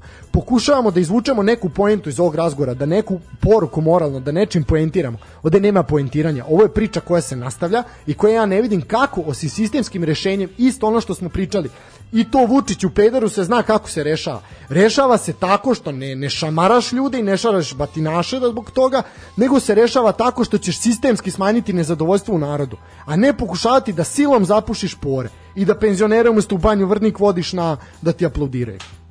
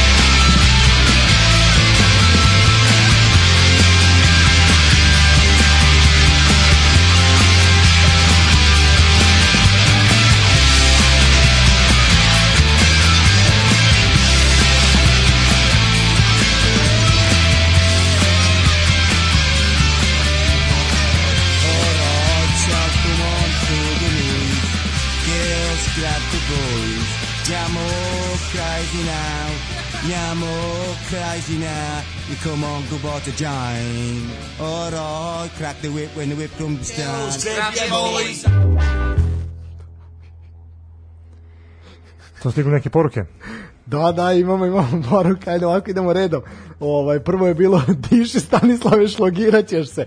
Pa ne, vidi, mislim, ovo je tema koja, mislim, baš se, baš se gori. Ovaj, da, dišiš, logiraćeš, se, onda je bila poruka, baš se čuje da ti se podiže nešto večeras, a dobro, popio sam jedno pivo, pa mi se podiže, ovaj, ako to ne smemo da radimo, da, ali dobro. Čekaj, čekaj, meni sad zanima, ko je to poslao? Ako neka ženska osoba, sad ti se podiže večeras. Ne, ne, da se podriguje, podiže samo- podriguje. A, Podriguje. pritisak, šećer. Pa to je skočilo svakako. Mi šećer ne može skočiti kad nema toza, onda nemamo šta da jedemo. Ali sad ćemo da bi se, o, malo ćemo muhanđija da čitamo, da bi nam se pritisak spustio i vratio u normalu. Kaže ovako, dok ste pričali o ovome, ja sam morala da ustanem i hodam po sobi. Malo je falilo da počnem da lomim inventar. Ovaj, eto, to je poruka naše drage bilje iz Nemačke. Ovaj, Danke Deutschland. Danke Deutschland. Ovaj tako da eto to je to je u suštini to, stigle su još neke poruke, njih nećemo, neki ćemo i ovaj prećutati. A što se tiče meča u Nišu, 2-1 je o, kakav nokaut, ali ustao je čovjek, kako ga je čovjek ubio loptom sa 30 metara. E, 78. minut je u toku, Radnički je smanjio na 2-1 posle lepe akcije po krilu, Kasalica je iz srca 16 terca, opet sa peterca sjajno savladao golmana i eto 2-1 uneta je neizvesnost u ovaj meč da vidimo da li će uh, radnički uspeti da dođe ipak do nekog boda. Uh, ovom pričom o Partizanu i Novom Pazaru smo zaokružili ovo kolo uh, i mi ćemo sada najaviti uh, ono što nas čeka naredne nedelje a možemo početi sa evropskim takmičenjima pa ćemo doći do naših Da, Revanš Metrović se već igraju sutra, Crvena zvezda protiv šerifa od Šerifa 19 od 19 časova, časova. da, što se tiče prenosa tog meča i na RTS-u i na Areni. Uh, dobro to, ovaj pa šta, mislim Crna zvezda prolazi dalje, tu nema Pa dobro, vidjet ćemo. Lopta je vidi, okrugla. 2-0 kvota na zvezdu, to je velika kvota na zvezdu, tako da ono, da, lopta je okrugla, svi igraju fudbal, pa i Mo, možda kladjanice znaju nešto što mi ne znamo, ali eto, navijamo za našeg predstavnika i nadamo se da će uspeti da se domogne tog play-offa za ulazak u Ligu šampiona. Da. Dva sata kasnije, znači po završetku meča u Moldaviji, Dinamo u Varšavi, m, ide, jel, gostuje Legiji, Dinamo je svakako favorit, 1-1 je bilo isto u prvom meču, to smo više puta rekli, to je što se tiče kvalifikacije za Ligu šampiona. Ono što interesuje nas koji pratimo Da, fudbal, u sredu imamo UEFA Super Cup ovaj, između Chelsea i Villarreala, to ne zanima nikog živog. Uh, Gde se to igra? Da Da- Dublinu, ne, tako nešto. Šta ću ti reći, pravo budem iskren. Da, Belfast. Belfast. Blizu, blizu si bio. E sad četvrtak, ima čak osam zanimljivih događaja za ove nas ovih prostora. A, koliko ima događaja? Dobro. E, prvo će na teren ići Čukarički u dalekoj Skandinaviji, znači nama daleko, ali srcu uvijek bliska je.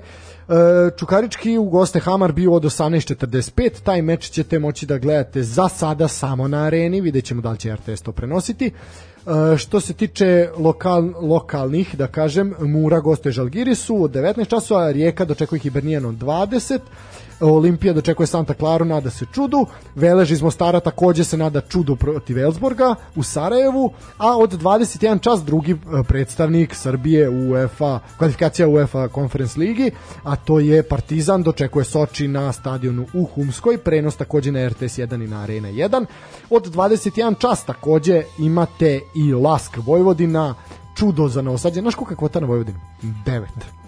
Pa mislim da može bude i 90. Pa možda Ovaj, bude 10, to ne menja stvar. Uh, Blask je definitivno favorit. Ma da. Dolaze u ovaj dvomeč sa prednošću od 1-0 iz Novog Sada. Da, kao što smo rekli, igra se, to sam ja zapravo rekao prošli put, uh, igra se na Raiffeisen areni u Klagenfurtu, znači neće igrati u Lincu. Uh, prenos na Areni 2 i na RTS-u dvojci i od 21 i 15 Osijek vija čudo protiv CSKA i Sofije favorite na gradskom vrtu u Osijeku, vidjet ćemo šta će se tu dešavati. To je što se tiče Uh, to je što se tiče našeg tačnije uh, naših jel, Pre- predstavnika, ajde kažemo naših.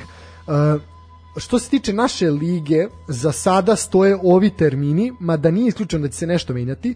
U subotu, znači nema utakmicu u petak, u subotu imamo utakmice od 17 časova između radnika iz Surdulice i Crvene zvezde.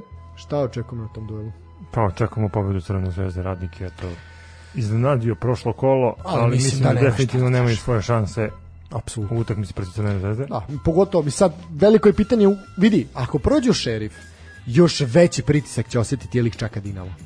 Znači, Ili Legija. da, i pa vidi, da, nije isključeno. Ja Ali, navijam za Legiju da se ne lažemo. Ti bi da se izbegne taj meč, a? Pa ne, meni je Legija uvek bilo malo simpatičnija. I, A da li priželjkuješ taj meč? Aj sad da tako pričamo o tome.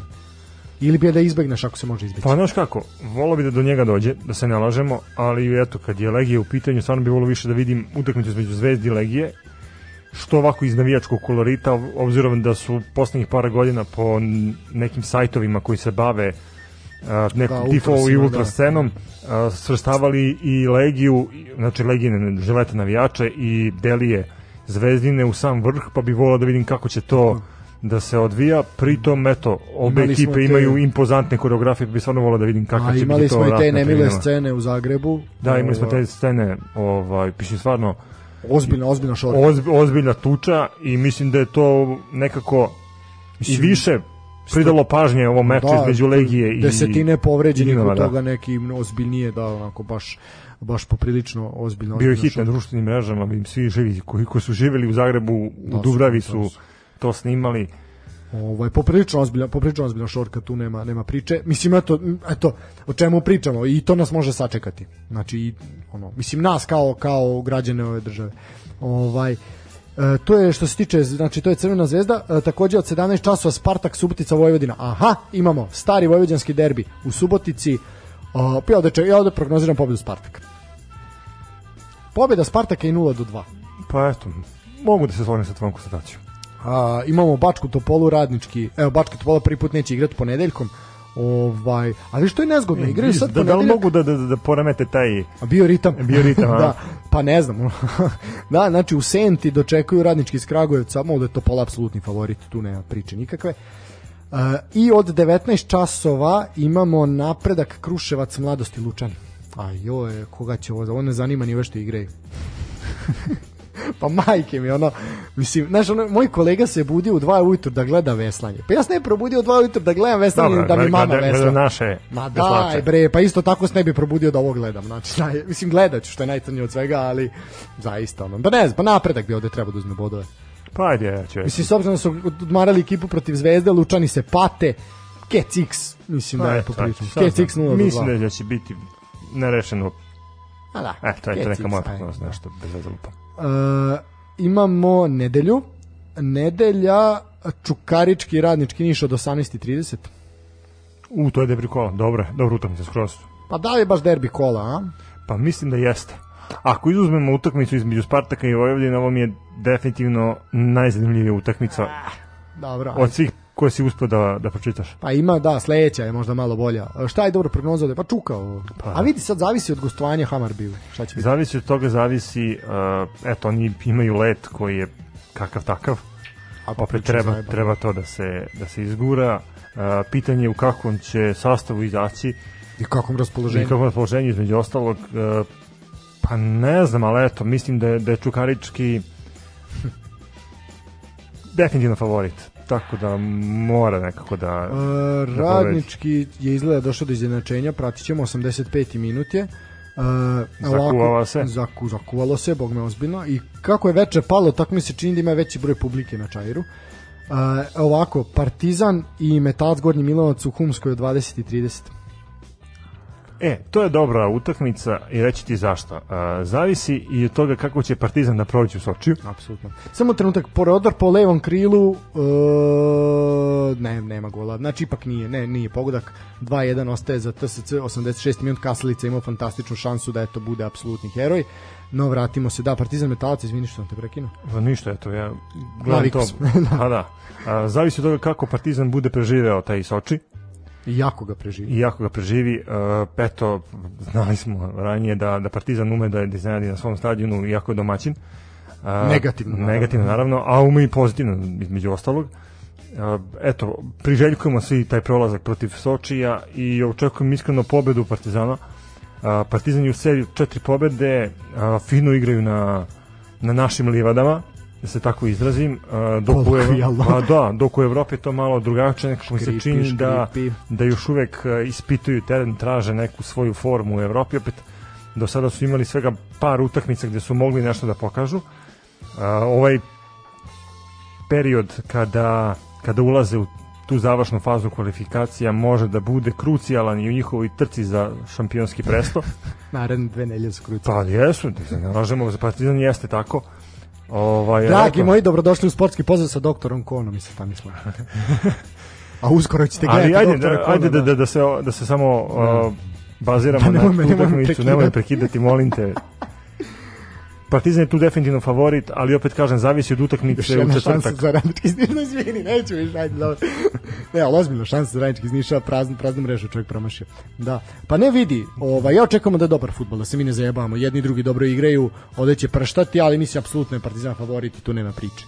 Ovaj, kvalitetniji su za koplje od ovih i ne, apsolutno ne treba nešto. Ali da, da mislim, nek se samo metalac ne, ne, ono, ne zabunkeriše, nek se ne povuče, da možemo da gledamo otvorenu utakmicu i to je to. Da, Ja, zadovoljni. Pa naravno. E, ponedeljak, imamo dve utakmice, eto jednu ćemo pratiti i u dure, ovoj našoj emisiji u direktnom prenosu. A, prvo od 16.55 Proleter i Kolubara. U, to bi tako mogli da ispratimo.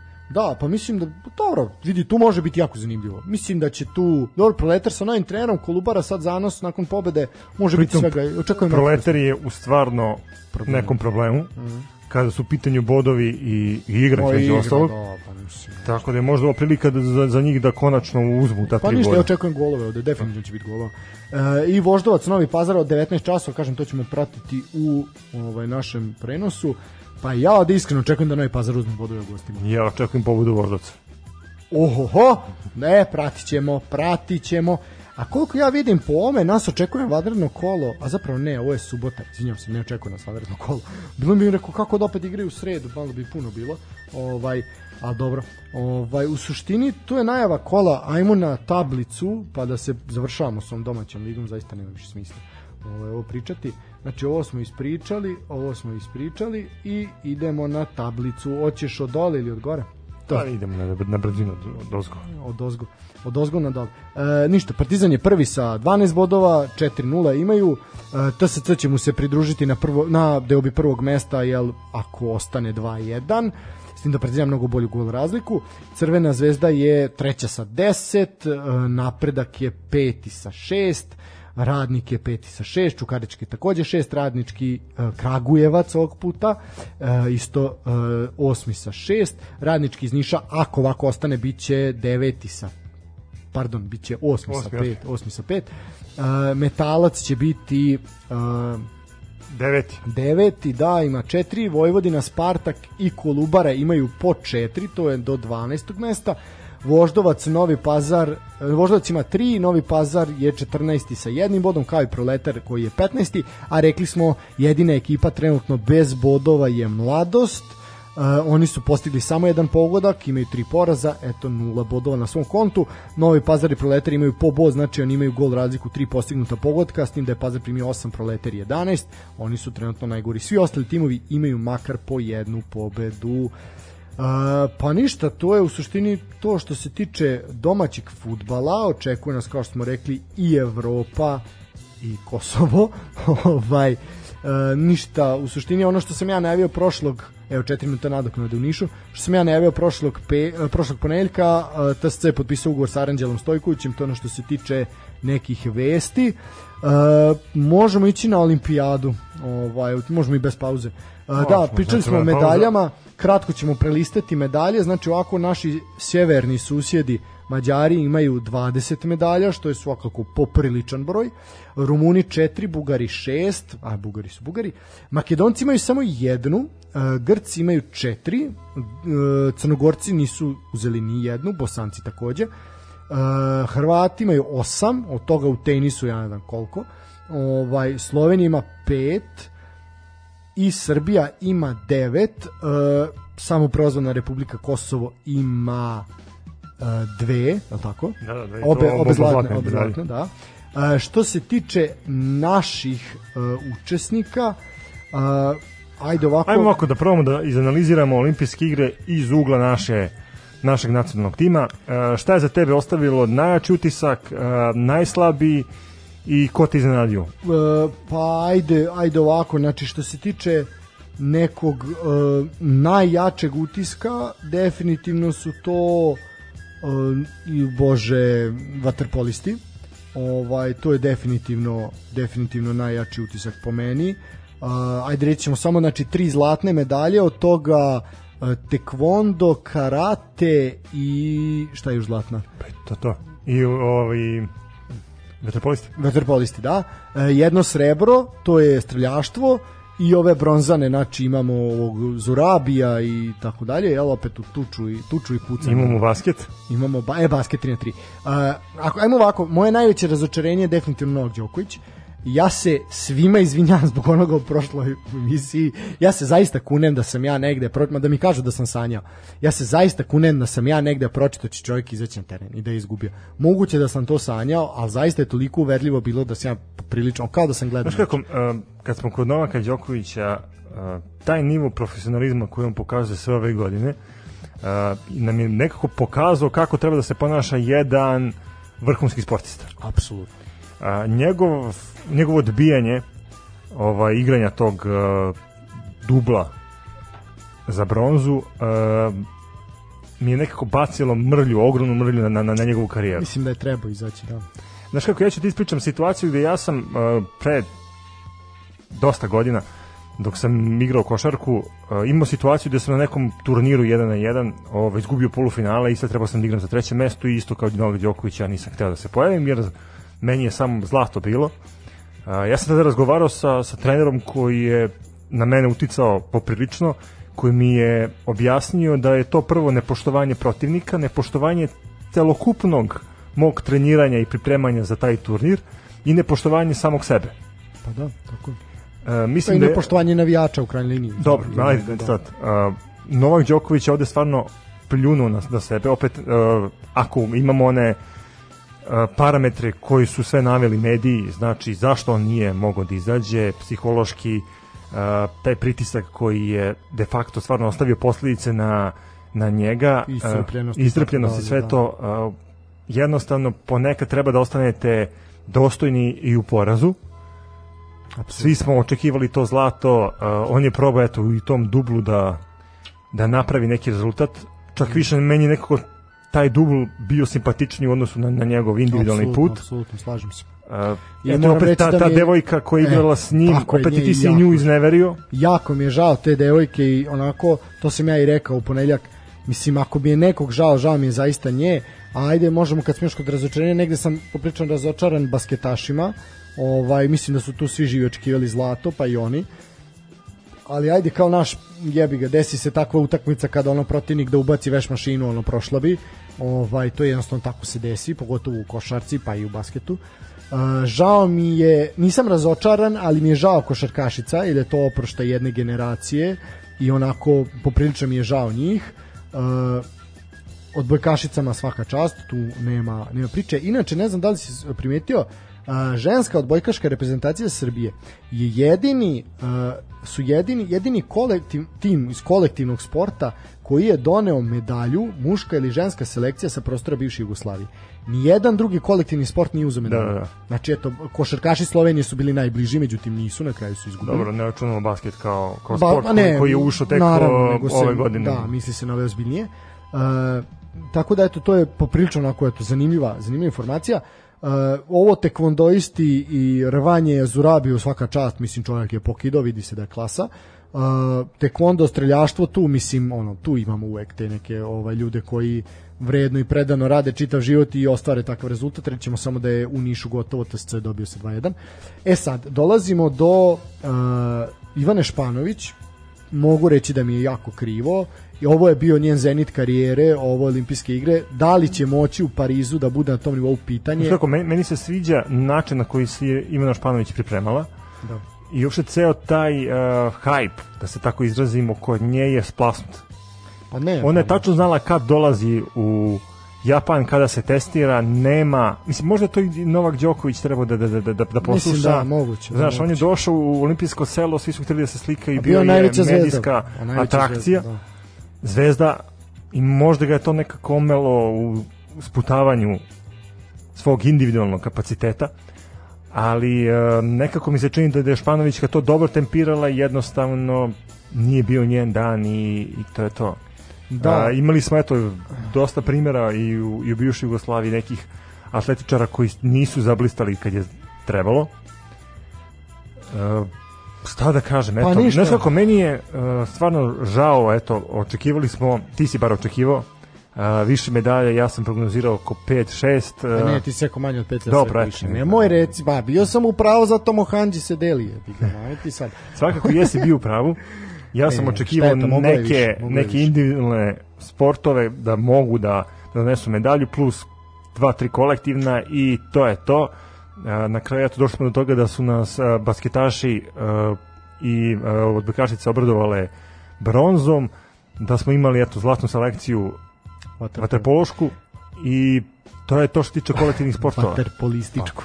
Da, A nije da nije ispravno, ali. E sad što se tiče vaterpola, taj utisak sam ostavio za kraj, ne za kraj druženja. Moram, moram ti kažem, kraj. mene na primjer iznenadilo kad pričamo o olimpijskim igrama, prvo cela ta organizacija, očekivao sam od Japanaca da to mnogo bolje A odrade. Ispalo je jako loše. Ispalo je baš traljavo, uh, čak sam i gledao komentare nekih uh, sportista koji su pričali svoje dogodovštine sa ovih olimpijskih igara. Ja se nadam da ćemo u narednim emisijama imati priliku da ugostimo jednog od njih, pa ćemo dobiti izveštaj uh, sa lica mesta. Uh, ono što još hoću da kažem, eto, iznenadili su me sportovi koji su ušli u taj E, to uh, ćemo olimpijski svakako da. krug. Ajde, možemo A, prvo to, pa ćemo onda sve Skateboard, E, a, ajde, majke ti, naš i to onaj, je li tako, klinac, ili Ma sve neka deca, Tri- da, mislim, deca, 13, 13 godina, godina. mislim. A, pritom, e, postoji inicijativa da se za olimpijske igre u, Pa- u Parizu, i mislim da je već to i zvanično donešeno, e, izbacit će se karate, da imali smo ovu karatiskinju malu koja je zaista pokidala, što bi rekli one da, da štite mi da rađamo, ovaj, zaista se biju žene naše, mislim sad se vidi, sad ceo svet vidi da nama nije lako kako naše žene biju, svi mi kući imamo jednu koja nas svako pegla, ovaj, tuče, tu, tuku stvarno svaka čast i Milici Mandić i ovaj, i ovoj devojci Jovani, A, ovako, što se tiče toga da, izbacit će se karate, a ubacit će se breakdance. I onda sam ja rekao da ako neko treba da bude selektor, i to je na Twitteru došla, mora da bude Đogani. Đole Đogani. Apsolutno, Đole Đogani mora biti selektor. A, znači, da se struka pita. Dosta je bilo nepotizma, dosta je bilo stranačkih ljudi u Savezu. Da se struka pita. Đole Đogani mora biti selektor, a, a a igrač će sigurno biti na, na trenera Dilea. Pa vidi, znaš kako, ovaj Baki B Free nek bude stručni sali, opšte uopšte ceo Đogani i Fantastiko treba da bude naš stručni štab i mislim da smo mi favoriti za medalju najbolji. Tako da, što se tog dela tiče, zaista, eto, sa olimpijski komitetu čuj nas. E, što se tiče Waterpola, to ćemo ostaviti kao posljednji utisak sa olimpijade. E, ovako, e, ajde odakle da počnem. E, svaka čast momcima, to je definitivno poslednja šampionska generacija.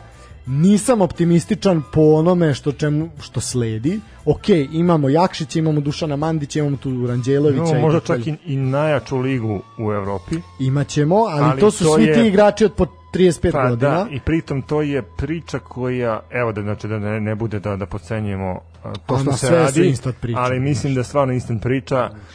Pitanje je koliko će to da traje i koliko će to uopšte da zaživi. Nama su potrebni pravi vaterpolo centri koji će imati bazu, E, gde će klinci moći da rade.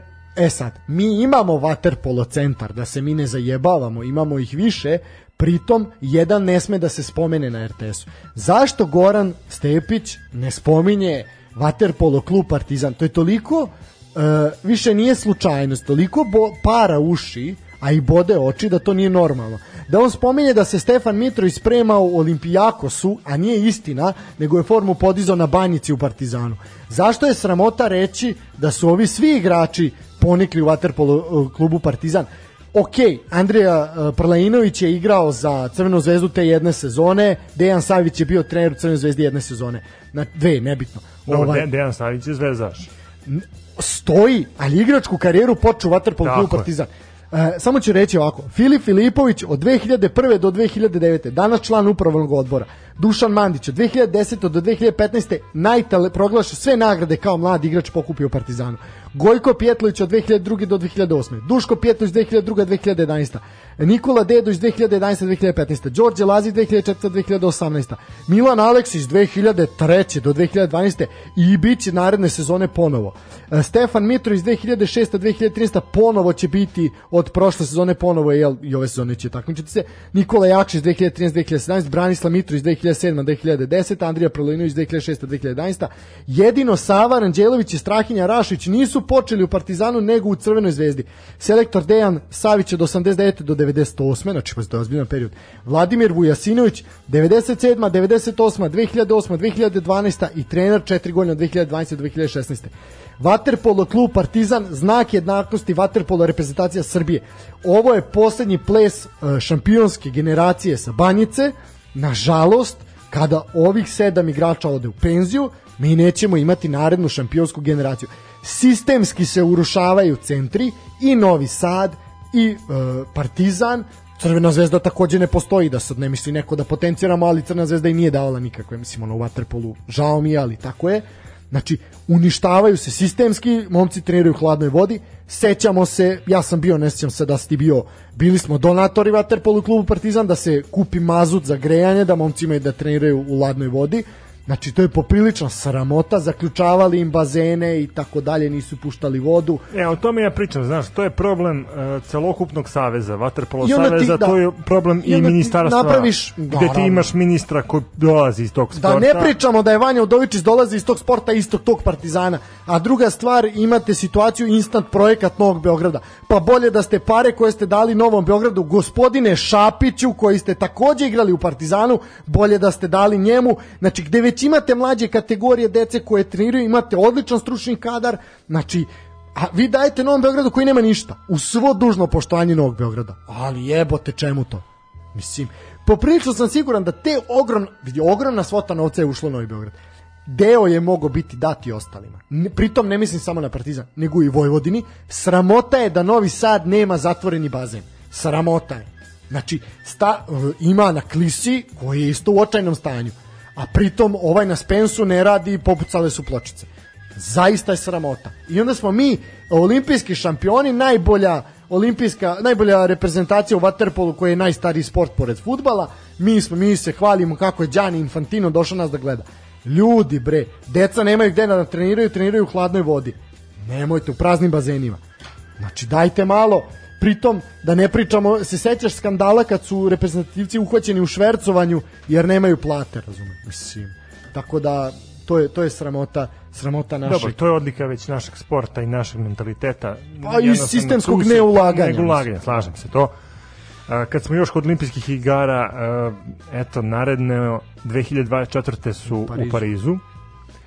Bliže nama nego, nego Tokio. svakako. Vidjet ćemo kakav će biti uh, rasplet tamo, koliko će naših uh, reprezentativaca ispuniti norme Repstativac. i šta može olimpijski komitet da uradi za ovo kratko vreme. Da, e, pa dobro, u suštini, pa ja mislim da smo sve rekli, možemo da imamo ovu vest za kraj, ovaj, da odimo, nemamo više ništa da kažemo. Pa može, to, mislim, da. to je to. Ovaj, suštini što to- ste gledali Olimpi- olimpijadu, gledali ste sada E, mo, s jedne strane moram pohvaliti RTS da su zaista ono podredili svoj program ovome i ovo im je selo kao kec na 11 da, I imali su dobre konsultante u A svim da, segmentima komentatori sporta. su bili uh, upitni, ali... Ne, ne, ne, ne, bili su, bili su ok. Ja sam ispratio, Nemoj Zajebavati, šta je Peđa Stranić bio Ken?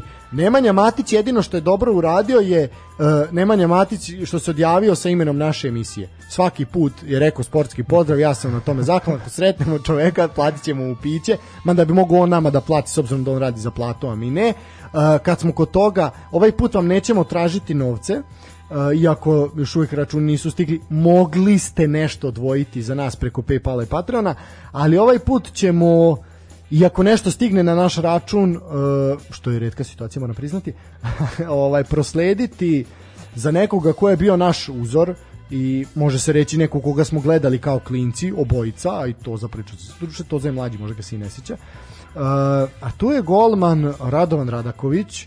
Uh, eto, ta vest se pojavila prethodnih dana onako zaista, prvo ja kad sam video nisam prepoznao čoveka i onda kad sam video o kome se radi, pa to je, rekao, bivši golman Partizana, I tako je, Radovan je bivši futbalski golman koji je čuvao mrežu mnogih klubova, svakako je najsvetlije trenutke u karijeri doživeo u Partizanu s kojim je čak dva puta bio i šampion a, države jednom pobednik Kupa Jugoslavije. A, ima, mislim, jedan ili dva nastupa za reprezentaciju, to nije toliko ni bitno. Uh, krajem 2020. godine, u trenutku najveće sreće kada će ponovo postati otac, Radovan saznaje da je teško bolestan. Uspostavljena mu je dijagnoza difuznim karcinom želuca i od tada kreće borba sa ovom opakom bolešću. U januaru 2021. primljen u klinički centar Srbije radi operativnog lečenja tumora, uh, tumorske promene želuca, ali pardon, zbog osnovne bolesti hiruška intervencija nije bila moguća. Preporuka lekara su hemioterapije. E sad, jedan eto miran porodičan život se pretvorio u agoniju. Radovanova supruga eto zbog prevelikog stresa nažalost u šestom mesecu trudnoće izgubila bebu. Radovan kao veliki borac što jeste bio u sportu tako i u životu nije odustao od želje da život pro, uh, provede u svoju porodicu. Ima jake i mučne hemioterapije, razni kompleksi vitamina, koriguje način ishrane učini su nemoguće. Radi, Radovano je odobrena operacija u bolnici Koc University u Istanbulu. 4.7.2021. godine stigao u bolnicu umesto planiranih 8 dana na izgled vrlo uspešne operacije dogodile su se komplikacije sa kojima se njegov već izmučan organizam teško bori. Obzirom na dug boravak u bolnici troškova lečenja prevazilaze mogućnosti porodice, stoga smo potrebni svi da pomognemo. Radovno su potrebna sredstva za lečenje, operaciju, rehabilitaciju, imunoterapije, hemioterapije, lekove, suplemente kao za putne troškove i smeštaj. Ono što ja imam da kažem, ja sam odreagovao možda onako i žustro, jer me to sve iznerviralo poprilično i jako me nervira taj princip lečenja ljudi preko SMS poruka. Uh, Radovan Radaković je branio u Partizanu, uzeo je dve titule, ja ga se sećam kao pouzdanog čovjeka na golu, uh, nije bio neka kiksara, ovaj sve i da jeste. Pa ne mislim, pa tako to je moje sećanje kao klinca, ja Da, se da, sećam da. isti početka 2000 kada sam ja počeo da gledam par, ono fudbal pa i Partizan. Koji je Partizan zaista lep fudbal igra u tom momentu. Uh, ja sam o, nešto objavio na Twitteru što je naišlo na reakciju. Ja sam uh, uputio pa da kažem izrazio svoje neko nezadovoljstvo fudbalskom klubu Partizan uh, zašto, mislim, traži se oko 180.000 eura, što nije neka svota da se mi ne lažemo. Uh, tih 182.000 oni proteraju kroz do, ono debelo crevo na koje kakvim ručkovima ili ili Elijev kroz Ferrari i tako dalje. Ilije vozi Porschea. Porschea. Znam da sam promašio Marku, ali nema veze. Ovaj, ispravit ću se. Ja se izvinjavam eto fudbalskom klubu Partizan na to moje reakciji, pošto smo dobili odgovor od njih. Ovaj, I oni su obećali da će pomoći, mi to čekamo. Dok oni to ne urade, i zaista je krajnje vreme da to urade, pa onda ću se izvanično izviniti u, na Twitteru, ovo ću sad ostaviti ovako. Uh, vidim da je, na primjer, Mihajlo Pjanović, bivši igrač Crvene zvezde, uplatio, Aleksandar Stanajević je uplatio, uh, mislim ima tu nekih zaista imena koji su obeležili naš sport, koji su uplatili ozbiljne, ozbiljne svote novca. Uh, vi možete pomoći Radovanu slanjem SMS poruke na uh, znači upišete 1082 i pošaljete SMS na 3030 takođe tu mi smo objavili na našem profilu ovaj uplati na dinarski račun, uplati na devizni račun, sve to postoji. Uh, pomozimo Radovanu, kažem eto ako i nešto legne na naš na naš račun mi ćemo to proslediti njemu. Čovek koji zaista se sportski nosio na terenu, uvek nije bilo uh, nekih ispada, ekscesa, sve i da je bilo, treba da se pomogne čoveku. Tužna je priča što se to radi preko poruka, što sistemski uh, država ne može da pomogne, pa eto, čak i, čak i našim sportistima. Uh, kažem, svaka čast i Pjani i Stanojeviću, eto, čeka moj futbolski klub Partizan da, da uradi nešto i bit će to zaista jako lepo ako budu brinuli o svojim bivšim igračima. Uh, šta da kažem, Pritom ovo je apel i na, na Futbolski savez, obzirom da je Radovan Radoković bio reprezentativni golman pa da, nije nešto dugo. naše ali da. države, tako da stvarno očekujemo da, da se ova situacija reši pozitivno u njegovu korist. Eto, brojni sportski radnici, bivši futbaleri su se uključili u ovu akciju i cela sportska javnost između ostalog i stvarno eto nadamo se da će sve ispasti dobro. E, Njemu želimo sreću u lečenju i mislim da, da time možemo i da završimo emisiju. Definitivno. Ako ti imaš nešto da dodaš, slobodno reci. Pa u suštini, u suštini je to to, ovaj kažem eto ovim ovim bih završio ovu ovu ovaj turbulentnu emisiju za nas. Kažem pustite pustite poruku, pustite i nama nešto, a mi ćemo to proslediti. Uh, šta da kažemo? Tužno je tužno je što se često odjavljujemo o ovakvim stvarima uh, kada neko premine ili kada neko ovaj eto bije bije tešku bitku sa bolešću ali šta da radimo, nažalost to je naša sumorna situacija i ne smemo se predavati i nećemo se predati, borit ćemo se lavovski do kraja i tako, tako vas i pozdravljamo, sportski pozdrav od mene. E, poštovani slušalci, hvala vam još jednom na izvojenom vremenu. Do narednog slušanja, sportski pozdrav.